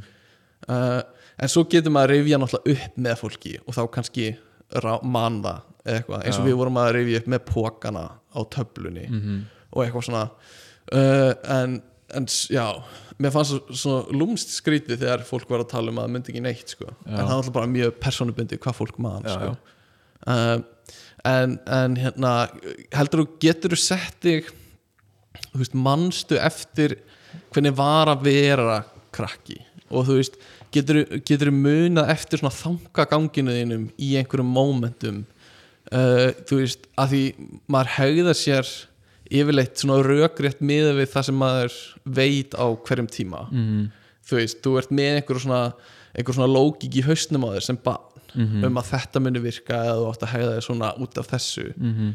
-hmm. getur þú munað, þú veist, mannstu eftir því hvað þú varst að hugsa eða hvernig það var að vera ég man kannski ekkit endilega eftir einhverjum svona einstakum mm. röksemdafærslum Mhm. Nei. sem að ég gjóð til í þessnum á mér Nei. uh, en ég man samt alveg kannski mm, þú veist, ég man kannski hvernig það var að eh, þú veist, að vera að það svo tilfinning að þú veist, þau eru einhvern veginn ekki að hafa áhyggjur en einu, Mm. eða þú veist, einhvern veginn mm. uh, þú veist, að það var aldrei eitthvað svona að, þú veist, ég man ekki eftir að hafa upplefað eitthvað sérstakar um kvíða eða eitthvað Nei. sem bara og, og einhvern veginn, það var allt bara einhvern veginn áhyggjulöst einhvern Já, veginn einmitt uh, eða bara svona en þú ek, svona kannski manstu af hverju þú vildir ekki vera vinur einhvers eða þú veist hann stál dótabílunum eða eitthvað skilur þú veist það voru rökiðin ég man eftir bara mörg, nokkrum hlutum bara úr leikskóla sko. já, bara eftir nokkrum momentum en ég á erfitt með að setja mig í spór mm, þess Stefáns eða þú veist þannig að uh, sem svona læti mig smá halda þú veist, er þetta alvöru minningar er þetta eitthvað sem mér var sagt eða eitthvað svona Mhm, einmitt sem svona er einhver svona hálfminning einhver svona mynd eða eitthvað uh, þú veist ég maður eftir einni stelpu sem var verið að gera grína í leikskóla og eitthvað svona uh, og í- svo man ég eftir einhverjum svona gítartímum og þau voru að tala um að þú ætti ekki að gretta því þú getur fest og eitthvað svona man eftir bara svona momentum já, og bara svona hvar svona nokkun veginn hvar ég var og þú veist, í hvað andri og eitthvað svona uh, en maður veit, ég veit ekki hversu mikið maður getur treyst í sko. en þú veist já, en þú veist akkurat en er, er það það sem þú áttu við þegar þú segir að, þú veist, að setja það í spór að þú veist, er það bara að endur upplifa minninguna eða þú veist eða þú veist, að endur upplifa þú veist, hugsanirnar og tilfinningarnar sem eru í minningunni Já, kannski það eða svona upplifa hugsanir og tilfinningar þú veist, mér er bara svo áhugavert einhvern veginn ef maður getur munað eh, þú veist, af hverju þú gerðir eitthvað mm, og svo getur þú hugsað um það núna og þá, þú veist, meikar það kannski engan sens -hmm. en þú veist að þú hafi trúað einhverju rosa mikið þá bara að, að þú veist af því einhver lyktaði illa þá gast ekki verið vinnur viðkomandi mhm. eða eitthvað ég, ég get sagt þér hérna, eitt sem eh, þú veist, eftir á hyggja er bara svona, eð, ekki eftir á hyggja endilega, en svona bara svona þegar maður er orðin mm -hmm. fullorinn einstaklingu sem getur hugsa rökri já, já, já að þú veist eitt sem ég man að þá var ég var með, með hérna vini uh, vinnan okkar eða það var með okkur í grunnskóla Já. Jóhann Pétur Já. við vorum vinnir í já, bara í grunnskóla mm og einhvern tímann þá hérna þá var, þú veist, við vorum eitthvað út á sleða eða, eða þá veist það var ekki snjór en við vildum rosa mikið að það mynd færa að snjóa já, já, já. og, og hérna við vorum bara eitthvað svona þú veist, basically vorum, vorum bara að bíða til Guðs sko. eða þú veist, bókstaflega við bara, Já. bara Guð Já. ef þú hérna, Uh-huh. ef þú lætur snjóa Já. eða, þú veist, eða, þú veist, ekki, eða lætur hann ekki bráðina eða hvað, sem- hvað sem það var þú veist, þá bara ég skal bara halda öll bóðurðin að eilíð og það var bara þetta var bara, þú veist, þú veist þetta, þú veist, þetta var bara það pár sem ég hafði, ég gat ekki gert neitt annað en bara, þú veist, einmitt og, og, og ég man alveg lengi eftir Mm. að þá, þú veist að þá, hérna hugsaði ég alveg eitthvað svona, svona þú veist, ok, ef, ef þú fer í gegnum bóðorðin Já. að það er svona eina bóðorðið sem þú raunverulega þarft að halda er að þú mátt ekki ljúa Já, eða já, þú veist, ég allt hitt er svona Já, þú veist, þú ert ekki að fara að drepa neitt Nei, nei. þú veist, ég er ekki að fara að trúa eitthvað annan guð og, Nei, og girnast náunga Eða eða konur konu. náunga eða asna, hvað þá asna þannig, að- þannig að fyrir mér á þessum tíma og ég man ekki, þú veist, ég man ekki hver langan tíma eftir þetta Já, og þá var það bara, það skipti mér rosalega miklu máli að ljúa ekki já, vegna þess að ég var búin að lofa Guði að ljúa ekki já Það er rosalegt Það er rosalegt en svo eðlilega á einhverjum tíambundi að þú veist, á lögstu e, já, örglega uh, eða fyrst fattaði að hérna, mm, þú veist, þetta hafði engin á einmitt, einmitt. En, en uh, manstu, þú veist, snjóaði eða þú veist ég man það ekki Nei uh, Já, ég man þegar ég var l- yngri kannski fymta bekk þá laumuðust við inn í hús sem var í, það var verið að einhver svona framkvæmdur á húsi og við hérna í götu vina mín svo við lættumst inn í gegnum bílskurshurðina og uh, uh, vorum eitthvað að lappa um húsið og, og skoða og svo heyrðum við einhverja rattir eins og það væri einhverju innað með komnir aftur sko mm.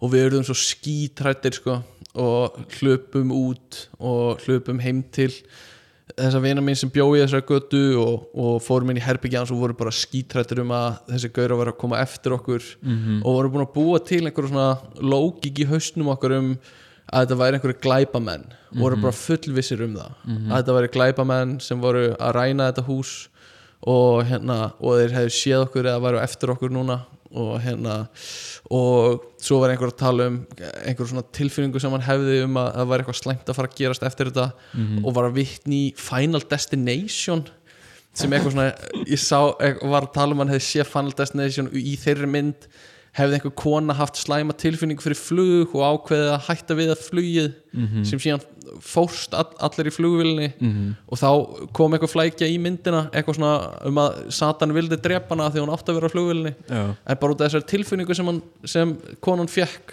þá hætti hún við og hann var eitthvað svona ég er með sömu tilfinningu Mhm. skilur við, eitthvað svona nú, er, nú erum við að, að vera að fara þú veist, koma eftir okkur sko. já. uh, eins gott að treysta því það já, og þá var maður bara svona fuck, er þetta satt eða þú veist, þá var bara þetta lókikin Einmitt. einhvern veginn í haustum á manni sko. uh, skemmtilegt uh, átturu góða æsku já, ég get ekki sagt annað Nei. Hún, eins og ég var að segja á hann bara áhyggjulaus uh, uh, ég veit það ekki kannski alveg svona, sm- jú, jú, smá prakkari held ég Aha. minni, minni mig eða svona, þú veist, bara eins og við erum að tala um kannski áðan að þú veist uh, ég svona hefði kannski mátt vera meira já, já, já, já. en svona þú veist alveg sæmilega sæmilega mikill prakkari Voru þið Guðjón góði félagar? um, ekki þú veist ég man ekkit eftir því Hann er náttúrulega Þannig- tveimur árum eldri sko. já ég man ekki eftir því þú veist, við, við erum mjög góða vinni núna og höfum verið þú veist síðustu alveg mörg árin en þú veist þegar vorum krakkar þá man ég ekki eftir því endilega að við höfum verið þú veist ég man alveg að ég stritt honum freka mikið og hann var oft freka pyrraðið til mig já, já, já. uh, þannig að ég held að við höfum ekkit Nei. þú veist, reynd, þú veist, við áttum alveg svona einhverja sameila eða svona vini sem að þú veist að ég man að ég var stundum að hanga sko með honum og vinum hans Já, já.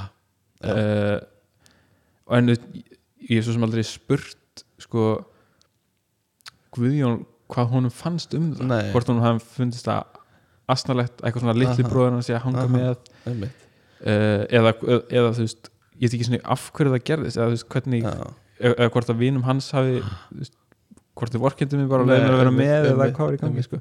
Guðjón, eða þú ert að hlusta, máttu láta okkur vita Senda okkur hvort að- póst. Senda okkur post, hvort að Björgun hafi verið pyrrandi en, þú veist, en, en svo reyndar mann ég líka alveg eftir að þú veist, ein, þú veist, einhver vinur hans kom bankaði upp á og spurði hvort að Guðjón var heima Guðjón var ekki heima og þá spurði hann bara hvort að ég var til að Ah. Ok, hanga ok. þannig að þú veist, þetta var, ég verður ekki verið svo Nei, leðilegur nei, nei. Já, ymmi Þetta var svipað hjá mér sko Ég var oft eh, svona uppáþrengjandi uh, með tryggva og vinum hans sko og, og fekk stundum að vera með en stundum ekki sko og þú veist, hann var alltaf smá pyrraður yfir því að ég væri þarna Mm. uh, veit ég og þú veist á einhverjum tímapunkti ákvað ég bara að hætta í skilur að reyna það og, og hérna þú veist, hef ekkert eftir það skilur uh, reynt mikið meira sko uh, og við uh, uksum svolítið bara í mjög sitt hverja áttina sko. uh, en, en þú veist alltaf bara félagar skilur uh, og, og hérna uh, já og ég veit það ekki þú veist ég held að þú veist, hann var ofta að spila D&D með vinn sínum og ég var eitthvað að tróða mig með og eitthvað Uh, og ég held, að, ég held að hann hafi verið mjög bara pyrraður á mér á tím, oft sko. en svo gerðum við líka margar hluti saman við gerðum fullt af bíómyndum og myndum mann ég sem var ógæslega gaman uh, gerðum svona þætti og stuttmyndir og, og tókum upp rosa mikið akkurat uh, og það var svona sameileg uh, áhugamál þá var Tryggvi sko hann var svona pródúserinn og editorinn og, Já, og taka upp og svona hann var aðal kallinn þar Einmitt. og ég er ekkert frá því að þú veist að því hann var að gera það þá leta mig líka vilja gera það sko já, og hafi byrjað að gera það sjálfur út frá því sko Einmitt. og að læra á Photoshop og öll þessi tól Já, já, já. sko Uh, og núna er ég bara mjög fær á því sjálfur sko Mhm. -hmm. Vist, ég er ekkert professional en ég kann á allt þetta dót uh, þannig að þú veist ég held að Tryggvi hafi haft rosa mikil áhrif á mig sko og, já þú ég, veist, uh, saman með, með Guðjón það er alls konar eitthvað svona dót sem ég hefði örugglega aldrei farið að gera nei. Eða, þú veist, en þá hefði maður bara farið að gera eitthvað annað Já, sennilega sko en hérna, ég- ég- svona minn persónuleiki er að mörguleiti litar að því sem Tryggvi var að gera á sínum tíma en svo tók ég það bara í mína átt sko, Mhm. Einmitt. og fór bara með það í alltaf átt en hann inspireraði mig í rosa miklu sko. Já. og hérna uh, já, og bara þú veist, hann er hann er svona allt öðruvísi en ég er mörg, þú veist, hann er bara svona nörd, skilur Mhm. -hmm. og ég er alveg nörd að miklu leiti en þú Mhm. veist, ég kynnist nörda menningur rosa mikið í gegnum hann -hmm. Mhm. þannig að það hefur alltaf verið svona alltaf rosa nálagt mér einhvern veginn Já. uh, sem er, mér finnst bara mjög gott sko. þannig að ég svona þekki margar hluti í gegnum hann uh, en hérna mm, já, heldur að uppeldið eða erðir skiptir meira máli um, sko, nú hef ég lesið mér talsvert til um þetta efni það ekki Jú. er það ekki uh, ég, ég hallast að erðapartinum já, já. uh, og ég ég, ég hérna viltu Eh, prósenta þetta eitthvað? sko ég held að sé uh, ef þú tekur heildina Uh -huh. þá kannski 70% Eh, erðir 80% 70-80% erðir Já. ok, ok sko ég skal útskýra þetta betur já. færðu ég, rök ég, fyrir ég held að máli það sé svolítið svona þú veist, ég held að flestir vilji vera eitthvað svona já, þetta er bara 50-50 já, já, en sko ég hérna, já ég las bók uh, og hef svo sem lesið meira um það Mm. um, eftir hérna svona erðafræðing Já. eða uh, já, segjum bara erðafræðing aha Úpa sí, allt í góð nei, hann var, hann var hérna eitthvað svona uh, atferðlis erðafræðingur Já.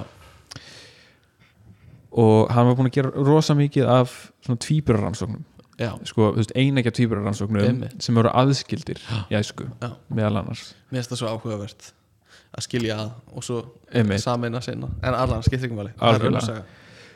og þá hérna og, og líka, þú veist, ekki bara aðskildir heldur líka sem hafa verið ættlitir Já. þannig að þú veist, þeir alast ekki upp með fóröldurum sínum, mm. líffóröldurum Það er svo sorglegt samt að tvíburar séu aðskildur og aldrei upp á sitt hverju heimilinu já, algjörlega kannski skiljulegt, bara ekkert annað er í bóði í einhverjum aðstæðum en það er samt svo sorglegt að sjá það já, allan, allavega út út úr og þá er sko um, þú veist, auðvitað náttúrulega bara hlutir eins og hæð og, og líkamsvöxtur og allt þetta Mhm. er basically 100% erfðir já, uh, svo lengi sem þú færð svona eðlilega þú veist, að þú nærist eðlilega Einmitt. þú veist, og, og allt, allt þannig já, og, en með svona sálfræðilega þætti að þá skipta erðnar miklu meira máli allan að sangat þessum niðurstöðum Einmitt. þessara gæja, eða þessa gæja já, og í rauninni það sem maður má skrifa á ekki erðir Aha. hefur í rauninni ekki með uppeldið að gera Já. heldur meira að þú veist það er einhverju ytri aðstæður en oftast er það bara einhver svona tilvílunarkendir Mm. þættir Mm. sem að þú veist, lendi að- bílslýsi eða eitthvað og verða hrættu við bíla já, eitthvað þannig, eða Já. bara þú veist eitthvað þú veist hvernig vinnur þinn hefur áhrif á því, eða Já, þú veist já, já. eitthvað svona fólk sem að þú veist hefur ekkert með mm. beldið á þér að gera ok, ok og raunin að þú veist hans niðurstaða var svona í grófum dráttum að þú veist, það sem fóreldrarnir gera mm. skiptir í rauninni ekkit allt og miklu máli Mm. svona, þú veist, svo lengi sem að þú ert þú veist, sinni barninu einu Mm. uh, þú veist, þú ert ekki hérna, beitir ekki ofbeldi þú Aha. veist, og þú bara svona og þú, þú sýnir því ást og umhyggju og eitthvað svona, að þá, þú veist, hvaða uppbeldis aðferður notar eða hvort að þú sýnir barninu einu, þú veist klassíska tónlist eða rock tónlist já, þú veist, eða eitthvað svona, þú veist, það er, hérna, mun í raun og endan ekki hafa svona, þú veist, yfir meðaltalið á öllum mannkinu, hafa svo mikil áhrif á hvar það endar þegar það er orðið, þú veist, já, 25-30 ára þú veist, þá taka, því að erðarnir hafa áhrif á alla þess að sálfræðilegu þætti einmitt uh, og ég held að hann hafi talað um þú veist, allavega 50% af sálfræðilegum þáttum eru, eru erðir eða svo sumum þeirra, sumum, sumum er það meira en 50% mm en restin af 50, hinn 50% er ekkit endilega uppeldið Mhm. sjálft sko.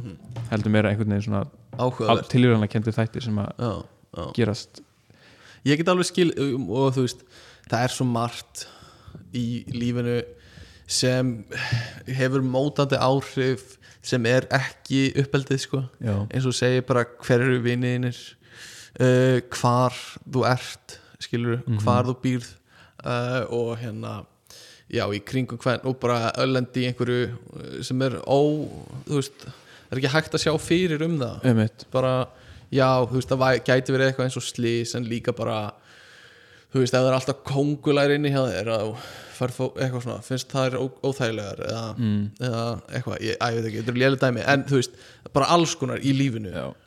lífið er bara einhvern veginn endalaus uh, svona uh, endalausa greinar af einhverju sem getur mögulega gerst Mhm. og því sem gerist ég, ég man e- eitt dæmi sem hann tók mm.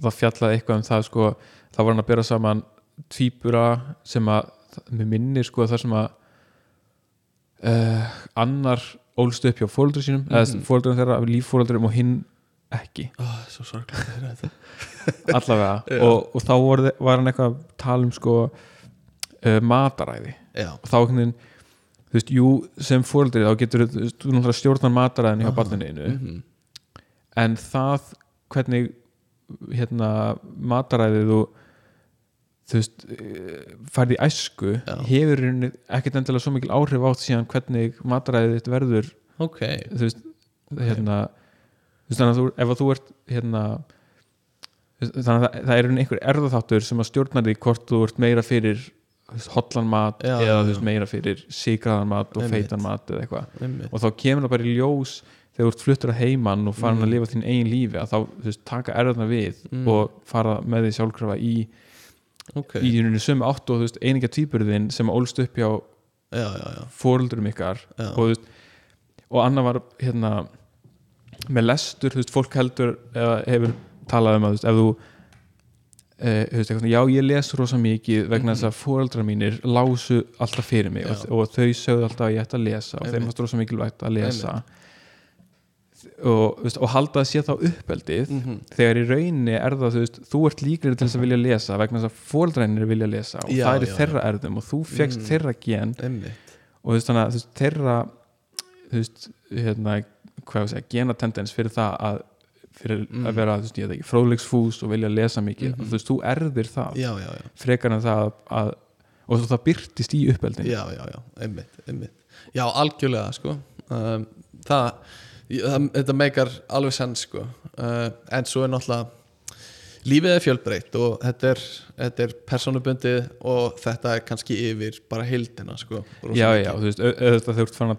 skoða einstaklinga, Já. að þá náttúrulega, þú veist Mhm. er þetta ekki alveg svona klift og skorið nei, nei, nei, nei, en þú veist, einmitt, þú veist, þetta, ég er bara að tala um þessi niðurstöðu hjá þessum Algjörlega, gæði, þú veist, yfir algjörlega. heildina algjörlega ég man eftir tvíburum talandi um þetta, sem eru einegi tvíburar og uh, hérna uh, en þeir líta þú veist, það er svipur með þeim og þú veist, alveg einegja svipur með þeim að mörgu leiti -hmm. Mhm, og ég, það er ekki bara þeir en ég, sé, ég man eftir þessu sérstaklega á þeim uh, en þeir eru samt rosa mismændi útliti þú veist, þeir eru Ok. mishávaksnir og uh, þú veist, andlitið þeirra er ekki a- alveg eins mm og það, það sést alveg munur á þeim sko. mm þetta var strákur sem var með okkur í fyrsta bekk, Jammer okay. og hérna, hann á tvíbura sem sagt og hérna, þannig að þú veist hver þetta er sko, eða þú veist, ef ég myndi segja þér hver þetta er, þá myndir þú vita hver þetta er um, uh, og, fle- og annar líka úr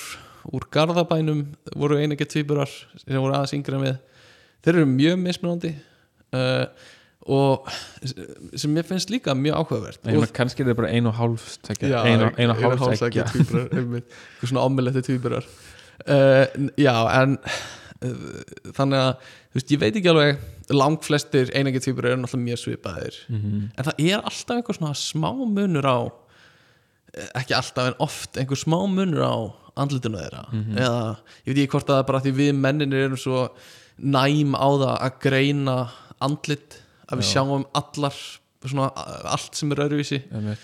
Eh, það gæti verið en ég veit líka ekki hvað það er þá hvort það er, þú veist, ytri aðstæður eða hvort að genið þeirra eru eitthvað öðruvísi, Mm. Mhm. þó þau séu í rauninni sömu gen, sko eða, já, hérna bara ævin það er náttúrulega alltaf einhver, einhverja stökkbreytingar sem verða á Mhm. genum en já, ég veit ekki, kannski bara eh, matræði eða mm. hvernig, hversu mikið þú reyfir þig eða eitthvað geti haft já, ef- áhrif gæti eða, verið, sko einmitt, um, en allavega uh, hvað hérna er ekki skrítið að eiga vin sem er í tíundabæk þegar þú ert orðin 25 ára jú ég veit eitthvað svona náungi eða manneskja sem þú ert að hanga reglulega með já ef það er ekki frændið eða eitthvað að þetta er oft, það er oft og ég er, ég er algjörlega að tala um bara platónist samband, Mhm. mm um, bara ekkert það er bara, við erum, við erum ekki að tala um peto hérna, Mhm. uh, en ef, þú- ef þú ert fullorðin Mhm. og átt vin sem er barn, er, það- er það ekki skrítið það?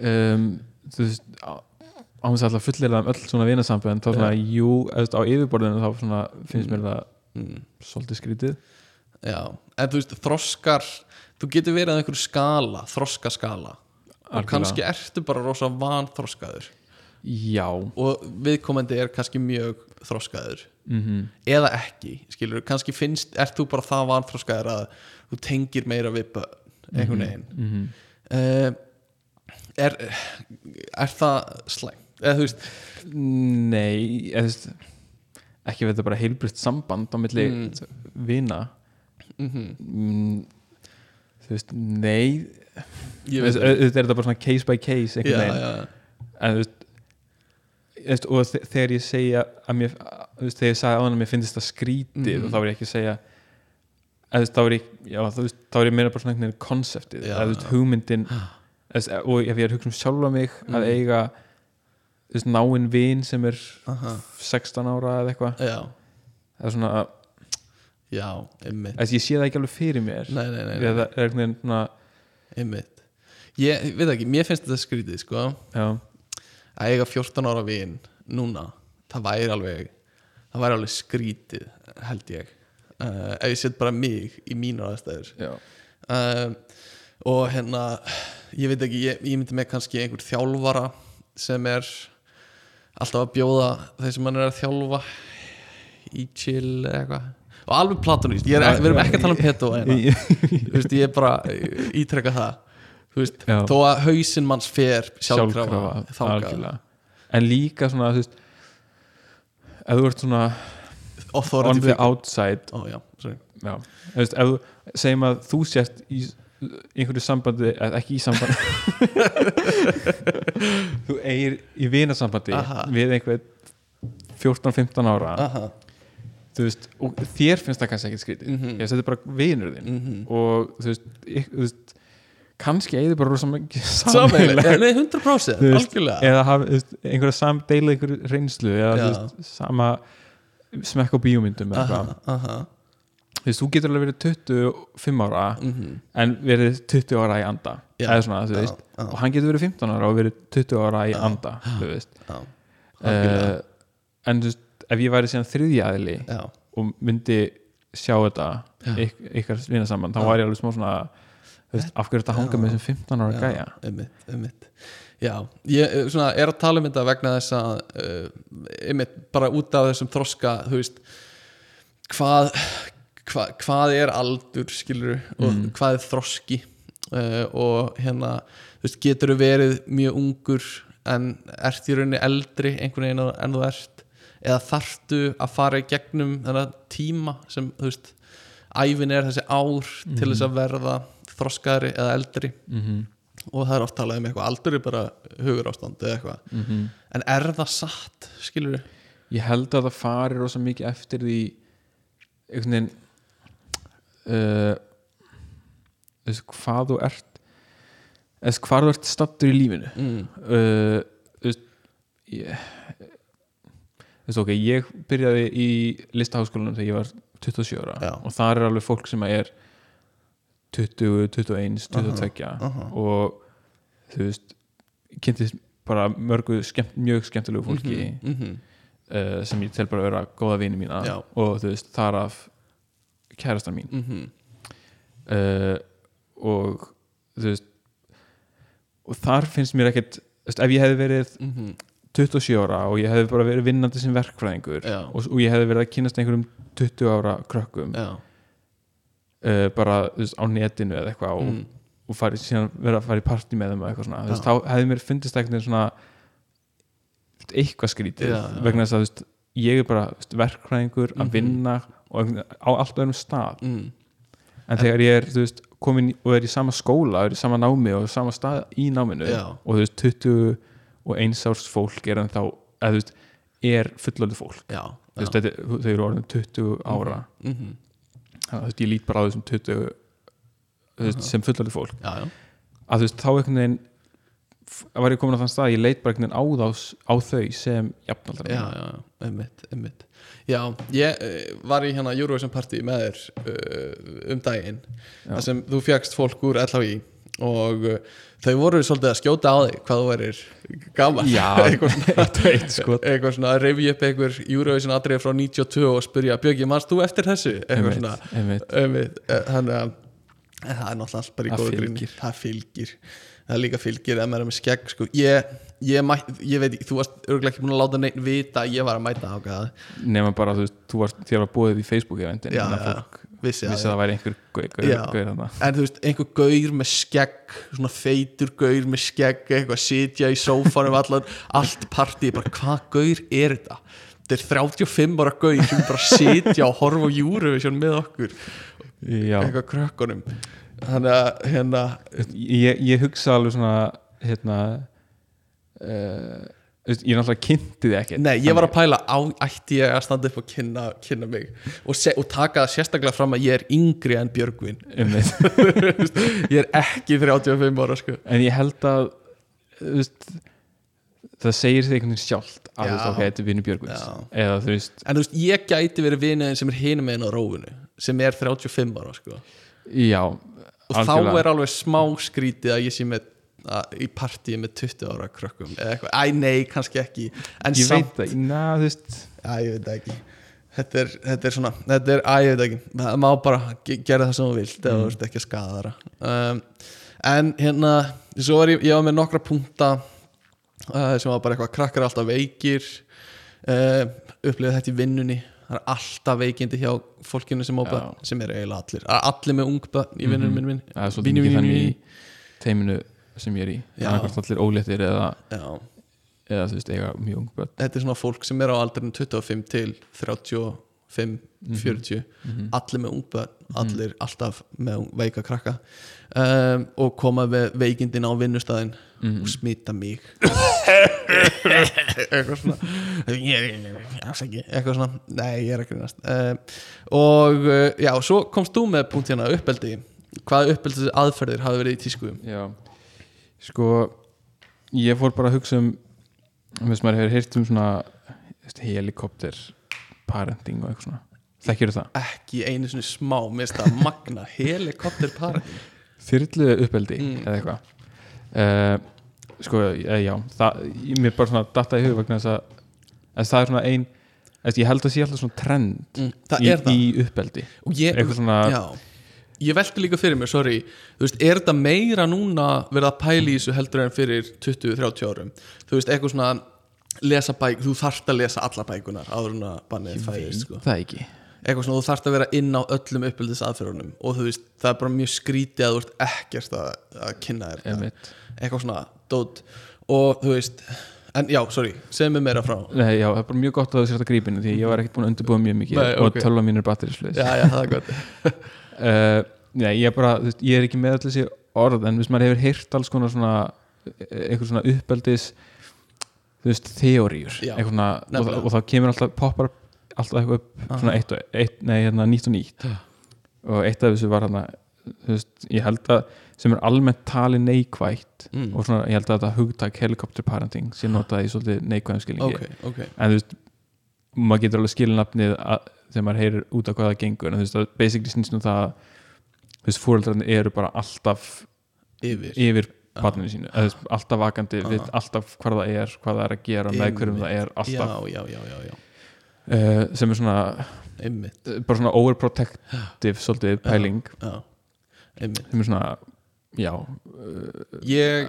hugsa að ég hef ekki notið þess að vera með þannig fóröldra nei, uh, En ég veit ekki, kannski einhverju sem Ég, ég man eftir strák sem uh, ég var með í grunnskóla sem hann var alltaf hrættur við allt, að gera allt þegar við vorum að lappa heim úr skólanum og eitthvað svona, að því mamma hans var alltaf út í glugga og sá allt sem gerðist einmitt, bara við máttum ekki stelast inn í einhvern gám að leika okkur, að því mammans fylgist með öllu einmitt sér allt Einmitt. eitthvað svona og hún var líka alltaf refsað svolítið Já. og ekki, þú veist, það hljóma kannski eins og líkamlega, ja, ekki þannig, meira bara svona þú veist, skammaður og þú veist, svo er einhver refsing eitthvað engin tölvutími eða eitthvað svona bla uh, ég upplifði þetta ekki að fóröldri mínum ég, veit ég hvort þið þurftu það mikið, Einmitt. eitthvað svona að, hérna, discipline eitthvað svona, your child já, uh, kannski eitthvað en þau voru aldrei aldrei mikið í því sko ekki neinu ráði sko uh, bara, þú veist, síndu gott fordæmi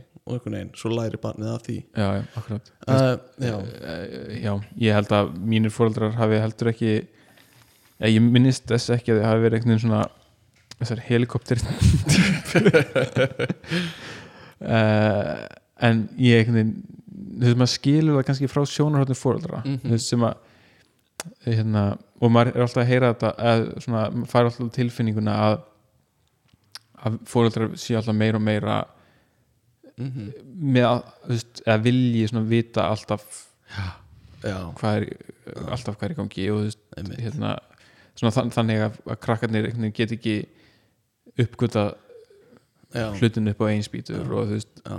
eitthvað svona og þú veist, þetta er einhver balans, þú getur ekki þú veist, leift krakkarnir um að Mhm. gera hvað sem er og vera hvað sem er og þú veist, einmitt Eh, og við, þú veist, ég held að við gerum okkur báðu grein fyrir því að við erum hvorir fóreldrar og hérna býtum við, hæ? nei, bara fyrir hlustendur, þú veist, við höfum ekki alveg upp öður og hérna, við höfum ekki lesið einhverju uppeldisbækur eða kynnt okkur þetta neitt við höfum bara verið aldir upp það er svona okkar það er svona tenging við þetta um, en hérna, ég er ekkert viss um að það sé holt þú veist, og svo má ég alveg vera hafa ránt fyrir mér, ég er ekkert viss um að það sé holt að börn, það sé alltaf fylgst með þeim og þau megi aldrei gera neitt af sér -hmm. og hérna alltaf hrætt við að mamman og pappin komist að því hvað er í gangi -hmm. og þú veist, jújú, jú, það er þú veist, þú vilt passa upp á barnið þitt mjög skiljanlegt og, og hérna ég veit bara ekki hver fylgnin er milli þess að þú veist vera all in og fylgjast með öllu og svo hversu gott það er þú veist uh, eru minni af þú veist, glæbamönnum eða, eða Einmitt. einhver svona hérna uh, sem leiðast á ranga leið mm er, er þeir færri sem hérna hafa haft foreldra sem eru overprotective eða er þeir meiri jafnvel uh, og eitthvað svona þannig að uh, ég er ekkert vissum að sé betra endilega, bara svona tilfinningarlega Einmitt. svona mín tilfinning uh, en svo eru þessi trend alltaf uh, sem maður, ég svona heyri bara af svona út undan mér -hmm. eins og einhver, þú veist, það er eitthvað einhver sem uh, trend núna um að, þú veist, fyrstu mánuðina uh, eða eitthvað, uh, ertu alltaf með barninuðinu, skilur það er bara engin stund þar sem þú ert ekki með barninuðinu einmitt, uh, og, og hérna svo er eitthvað svona var fyrir einhverjum árum eitthvað svona kenningu um að þú ættir að leifa barninu þinn að gráta þú veist ekki hugga það alltaf það ætti að svona self-súða, læra það og núna er það bara að mörgu talið ofbeldi gagvart barninu skilur, þú, ert, e- þú ert alls ekki að gera það, þú ert að hugga það strax skilur Mhm.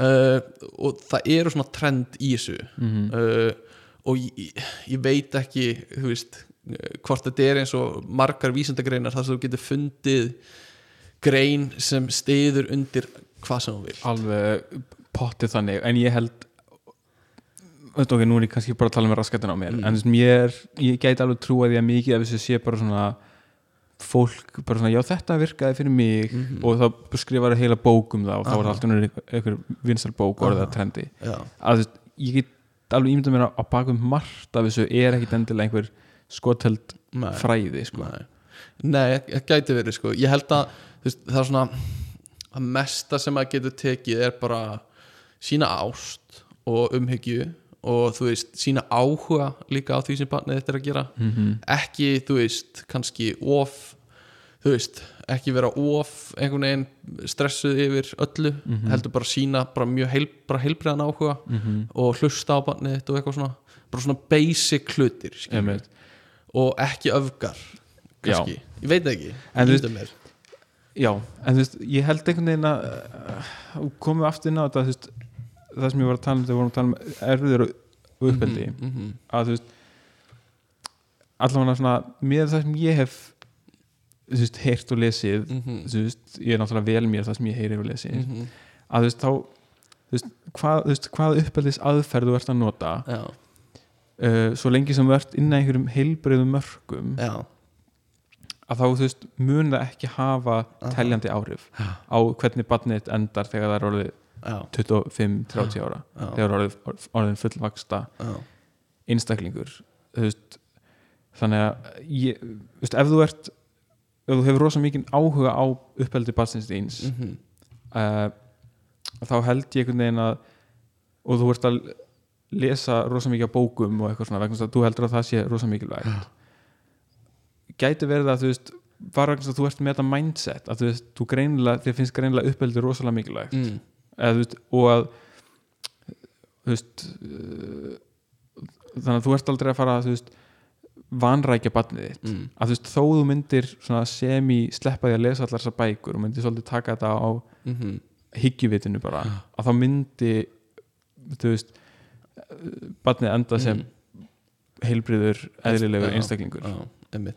Ég held að fólk verði bara svo stressað um það að gefa börnunum sínu góða æsku einhvern veginn og að mistakast ekki já, og að það, það mistakist ekki ég heyrði einhvern tímann þegar ég var mjög lítill brandara eða sögu um eitthvað og- sem var það var einhver m- menn, maður á, á hérna á veitingastað og hann var með barninu sínu og barnið var alltaf að henda uh, mat eh, í fólk og, og hérna uh, og svo- svo snýri manneskjan við sem barnið var að henda matnum í og sagði "Vi- vi- getur ekki haft heimil á barninu þínu?" eða eitthvað svona og maðurinn segir uh, nei ég er bara ég aðhyllist þá kenningu að, að leifa barninu mínu bara að gera það sem það vill alltaf og barnið heldur áfram að, að hérna, öskra og, og hrækja og, og kasta mat í fólk og allir að spyrja, getur ekki haft heimilaði og hann segir alltaf nei, ég er frá að leifa barninu mín að gera það sem hann vill og svo hérna fer hann út og er að fara í, í hérna e, í strætó með barninu sínu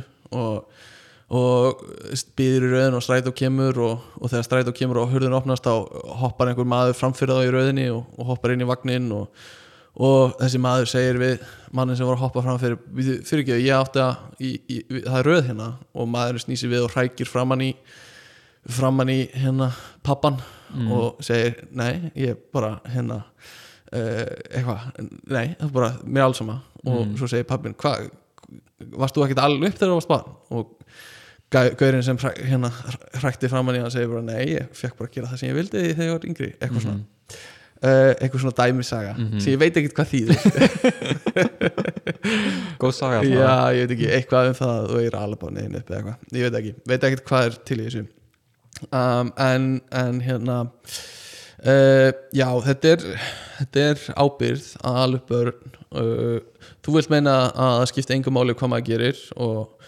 ekki nokkru ekki einasta einasta máli. máli Þú veist, þegar barnið er komið út þú veist, það getur bara græja þetta Já, bara fuck it um, Og bara hafa gaman Ég held að bara, uh, já, bara vera góður Við bannið þitt Mm-hmm. Mm. Mhm. Og hérna, uh, elska það uh, og, og hlusta á það Ég held að það skipti miklu máli uh, En hérna, mm, svo var ég með eitthvað svona Týpur á foreldrum sem ég er ekkert við smín enn að fara í uh, Og uh, barnaamæli Viljum við tala eitthvað um barnaamæli?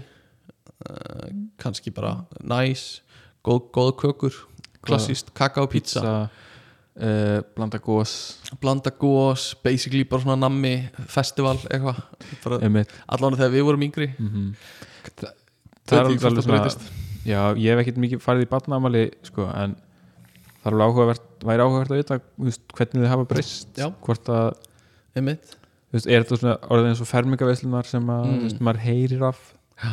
þú veist, sem er svona einhvern veginn bara úr fram úr öllu hófi, já, bara eitthvað landsliskokkar og Já. eitthvað svona rosa skemmt að þú driða veist, eru tíu ára bekkjar ammalin orðin þannig Mm. þú veist, er þetta alltaf svona, er þetta alltaf að reyna að one-upa hina fóröldrarna já. með samfélagsmiðlum kannski einmitt, eitthvað. Það gæti kannski, verið. ég veit ekki, Uh, ég man að kannski einn og einn tók eftir sko, samfélagsmiðlar hafa held ég rosalega áhrif á uppeldi hjá börnum sko. uh, Já. bara hvað fóreldrar eru virkir á samfélagsmiðlum já, ég hef held ég sagt þetta áður í podcastinu en þú veist, þegar ég var, er að leika á jólasveina snýst allt um að fá mynd sko. þó að Já. barnið sé skítrætt við jólasveinin einmitt, þá er það bara, haltu á henni ég þarf að ná mynd einmitt til þess að posta Aha. skilur, það er rosa mikið eða svona ég tók eftir því sko. mhm, uh, þó að barnið var bara hágrenjandi og ég sem jólasvein bara, vill ekki fucking taka barnið þitt bara og þú veist, það vill ekki vera hérna einmitt, en, en fóröldarinn bara, hei, ná, ná mínu mitt og með afa, afi, kottu, hver er afi og barnið alltaf grátandi og afi eitthvað svona lengst í burtu eitthvað þannig að, uh, já, ég held að hafi haft áhrif og líka það hlýtur að hafa áhrif að ef að fóröldarinn eru alltaf með hausinni símanum sko. Mhm. og minna í kontakt kannski eða eitthvað, ég veit það ekki já, ég, ég get alveg þú veist að ímynd fólks þú veist, sem foreldrar hvernig það er að standa sig sem foreldrar skipti fólk ég held að skipti, oft kannski já, of miklu máli í sum tilfellum og er hrætt við að mistakast sko. Mhm. ég held að ég, sé stórt. ein grein sem ég var að lesa hérna í tölunni áður en að hún dó mm. var eh, uh, eitthvað varandi svona uppeldi og hérna, eða það var eitthvað svona 15 ráð til eitthvað bla og það var eitthvað svona here are some tips to uh, eitthvað svona make you feel fulfilled as a parent Aha. eitthvað svona að það sé það sem skil- að, að þú f- uppfyllir lífs ánægi og, fi- og þú veist, fyllingu Mm. sem foreldri Já. að það skiptir þú veist, það, þú veist, þessi ráð eru fyrir það já, já, já, Þú veist, hvernig átt að alveg barnið þannig að þú upplifir einmitt, einmitt, hérna einmitt. fókusin á það meira en að barnið já, já, já. líði vel eitthvað, já. Eða, það var bara þannig sem var orðað það var ég mjög veit fyndið það, einmitt. kannski er þetta bara fín grein samt en, já um, já, barnaðamæli, leikir varst þú um, í þínu barnaðamælum manst eftir þegar verið að veiða nammi bak við svona tjald eða teppi og varst með veiðistöng setti veiðistöngina Mm. yfir teppið og svo var einhver fullorinn bak við sem svona festi nammi poka á stöngina algjör snill það var ekki eftir því amælum hjá mér sko og Já, mér var ekki boðið þau, já. já pakkaleikir um pakkaleikir mann, ég pakkaleikir einmitt um, allavega ef að prófa að taka símtal stutt sé. já, hver hérna í hvernig eru að ringja ég gaf þér númer uh, svolítið langt símanúmer um, með svona, svona symbolum og þú þarft að nota sérstakann síma til að ringja uh, já, ok úr í þetta númer og hérna, ég, ég ætla að rétta þér síman hérna og þú ringir bara og sjá hvernig ég þarf nefnilega að skjótast ég þarf að uh, uh, uh, láta stinga á kýli já, ok, á bakinn á mér og eh, ætla að þú ringir bara með hann þannig að ok ég hérna já, við stimpla það bara hinn, hérna, þetta númer já, einmitt, ok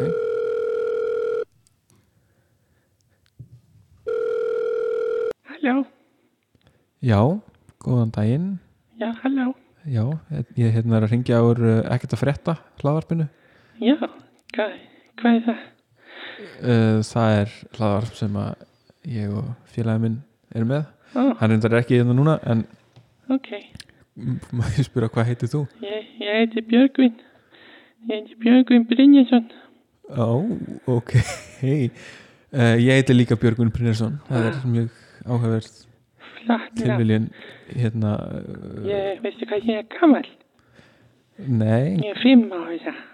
þú ert fimm ára Mhm, ok, og mhm, hvar má ég spura hvar þú býrð? ég, ég bý í Garð- Garðabænum, ég er með mömmu minni og pappa minni og Guðjóni og hann er bróði minn.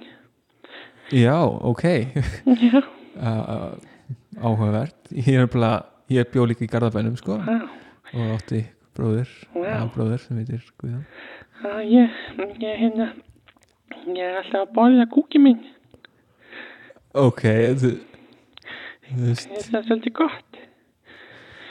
já þú veist, Ég, ég veit ekki hvort að ég er alltaf að borða bara kúki minn.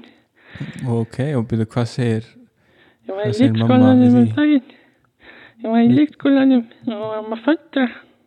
já, Og ég sagði, ég sagði bara má ég fá meira lím. Ja. Og svo fór ég bara að borða kúki minn. já og byrju hérna ég veit ekki, þú veist, þetta hljómar eitthvað kunnulega bara uh, Ja. eða þú veist, ég hérna ég lendi í svona svipu eða þú veist, Ég var, ég er líka, ég og Guðjóðum fórum í sund. já Við fórum saman í- með mömmu- mömmu mömmu- mömmu og pappa. Og ég var að drekka pissið mitt. var mamma að drekka Nei, ég eða var, varst þú að drekka pissið þitt ég var bara að drekka, ég að drekka pissið mitt í sundi.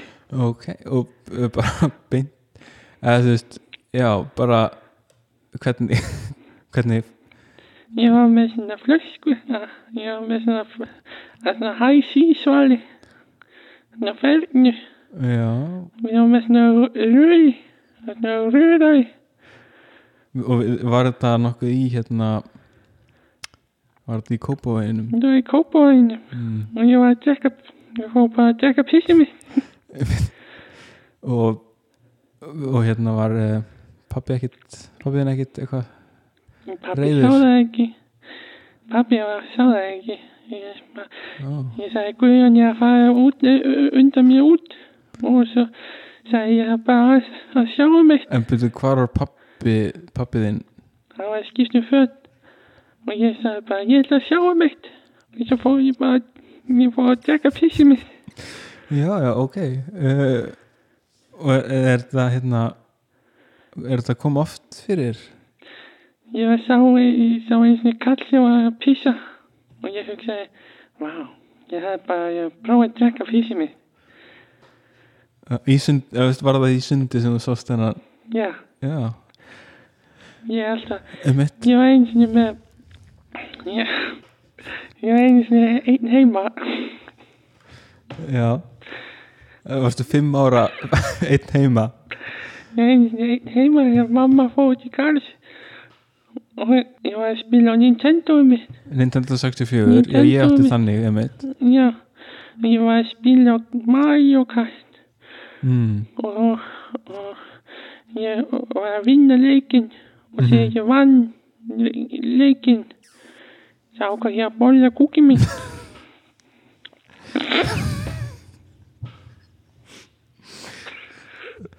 Og byrju Var hann þá bara í þú veist Lá hann bara Hvar var hann?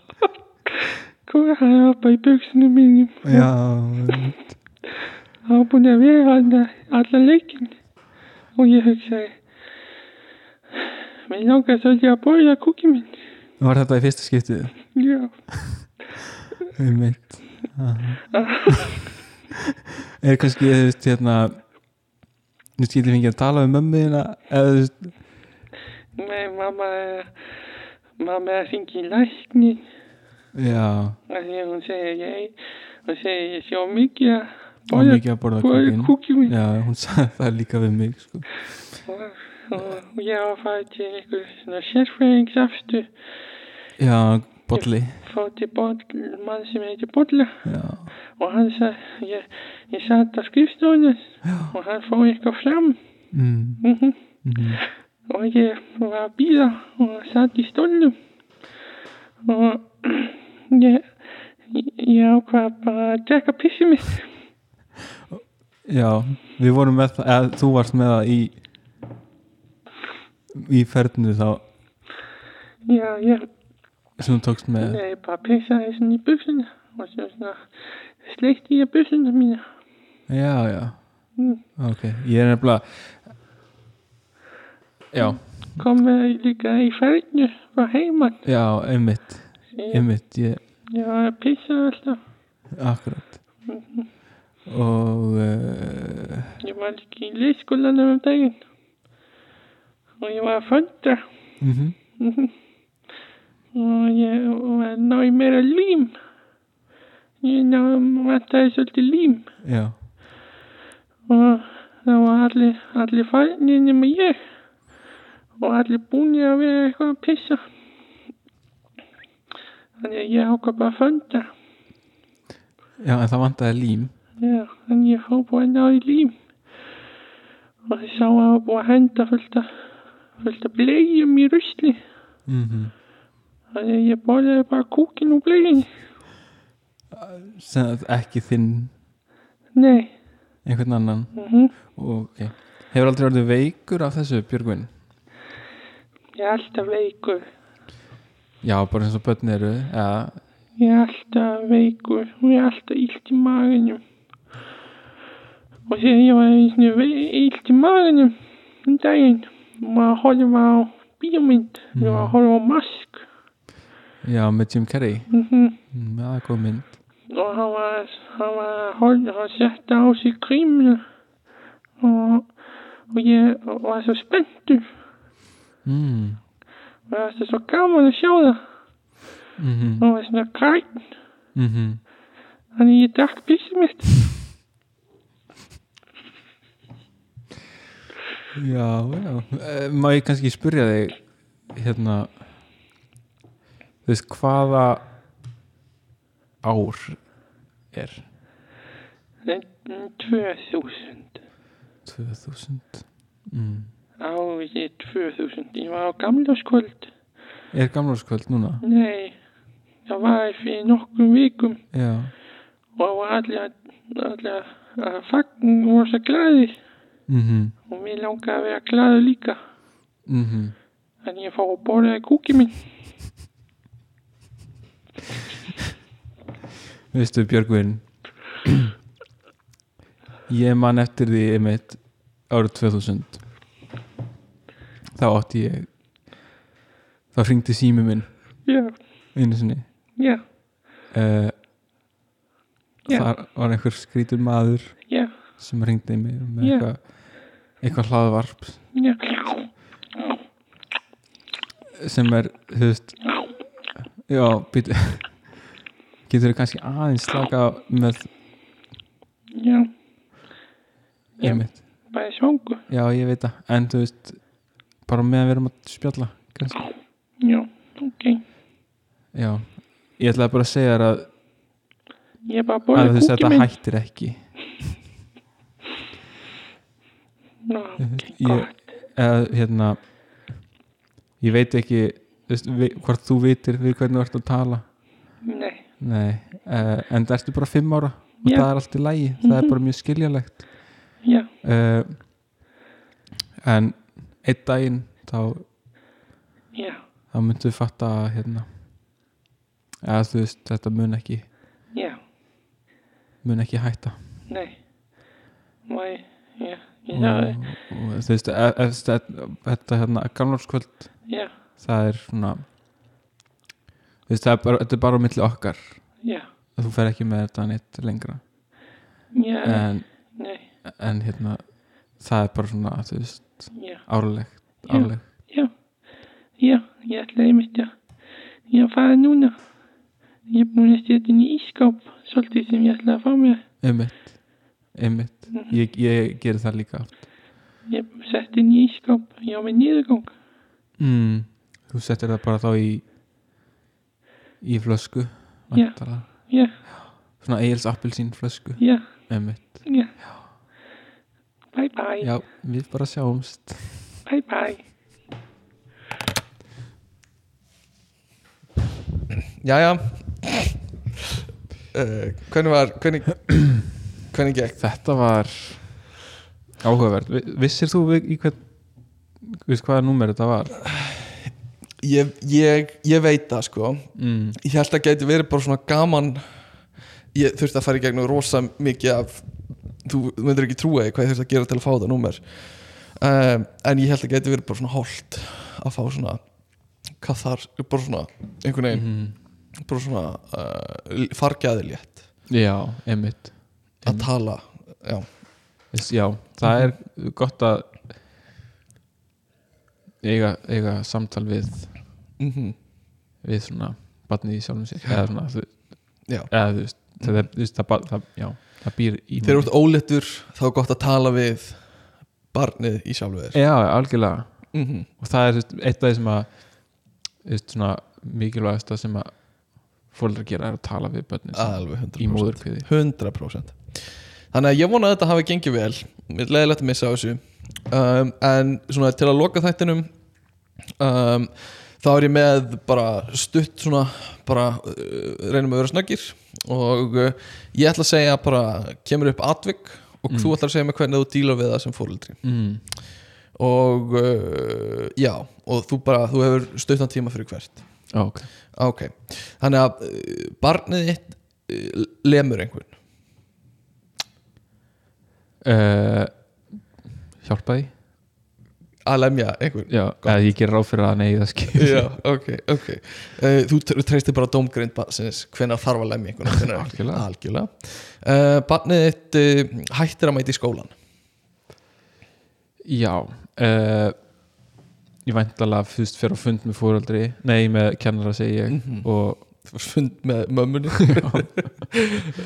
uh, já, ég fyrir að fund með kennaranum og þú veist spyr hann, þú veist, af hverju var krakkið minna hætt í skóla Aha, aha, einmitt eða þú veist, að hvað var, þú veist, hvað gerðir þú Hvað gerir þú einmitt, einmitt til þess að barnið mitt hætti í skóla Já, einmitt. og svo kannski reynir að fara með ofar til skólastjóra já, já, eða þú veist ég myndi kannski ringja beint í Menntamálaráðherra. menntamálaráðherra. Já, einmitt, einmitt Og hvað ert þú að gera já, sem að lætu barnið mitt hætta í skólan einmitt, einmitt um, Svonur þinn, eða ok, skiptir ekki máli barnið þitt er í leikskóla með uh, leikskóla bróður sínum og uh, leikskóla bróðurinn saknar mömmu sinna rosalega mikið mm -hmm. og barnið þetta er uppvíst að því að fara reglulega að glugganum og segja við hennar leikskólabróður sinn að mamman sé komin mm. og hann verður alltaf glaður en alltaf jafn vonsvikinn og leiður uh, þegar hann kemst að því að mamman sé ekki komin mm. einmitt, hvað gerum við? hvað ger ég uh, ég fer til miðils Ah, og læt lókonum það er augljósta uh, næmur, Ah, hann mjög er næmur Eða, við erum öll En- næm, já, en bara misnæm, Misnæm. hann er mjög næm hann er mjög næmur hann er að sjá eitthvað Einmitt. uh, já. ok, uh, barnið þetta krótar á alla veggi heimhæður með túspenna mm.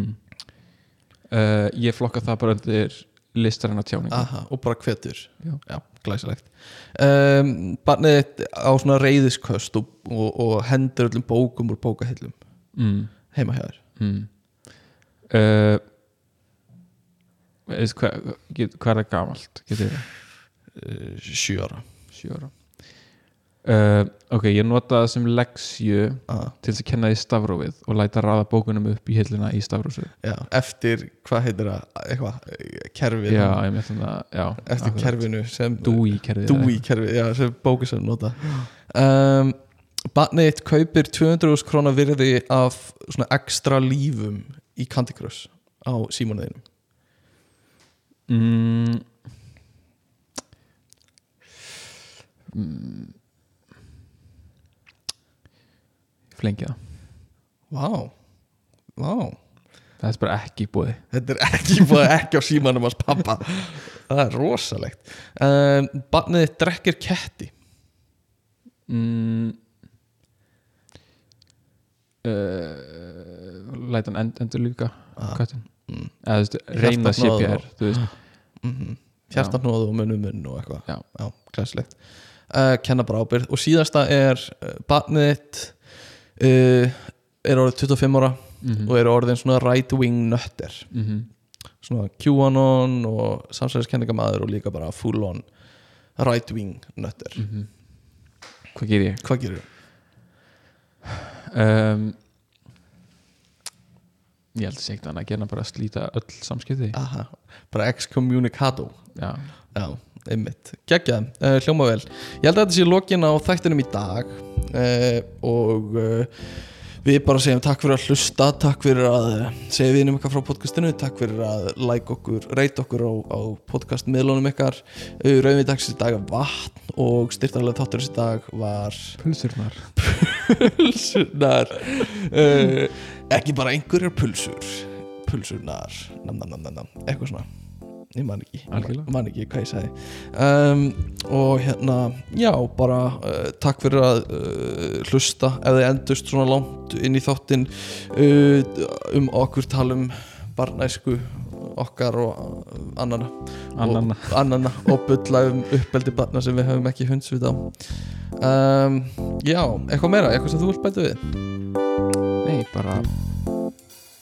góða stundir góða stundir, góða stundir góða stundir ok, bye bye yes.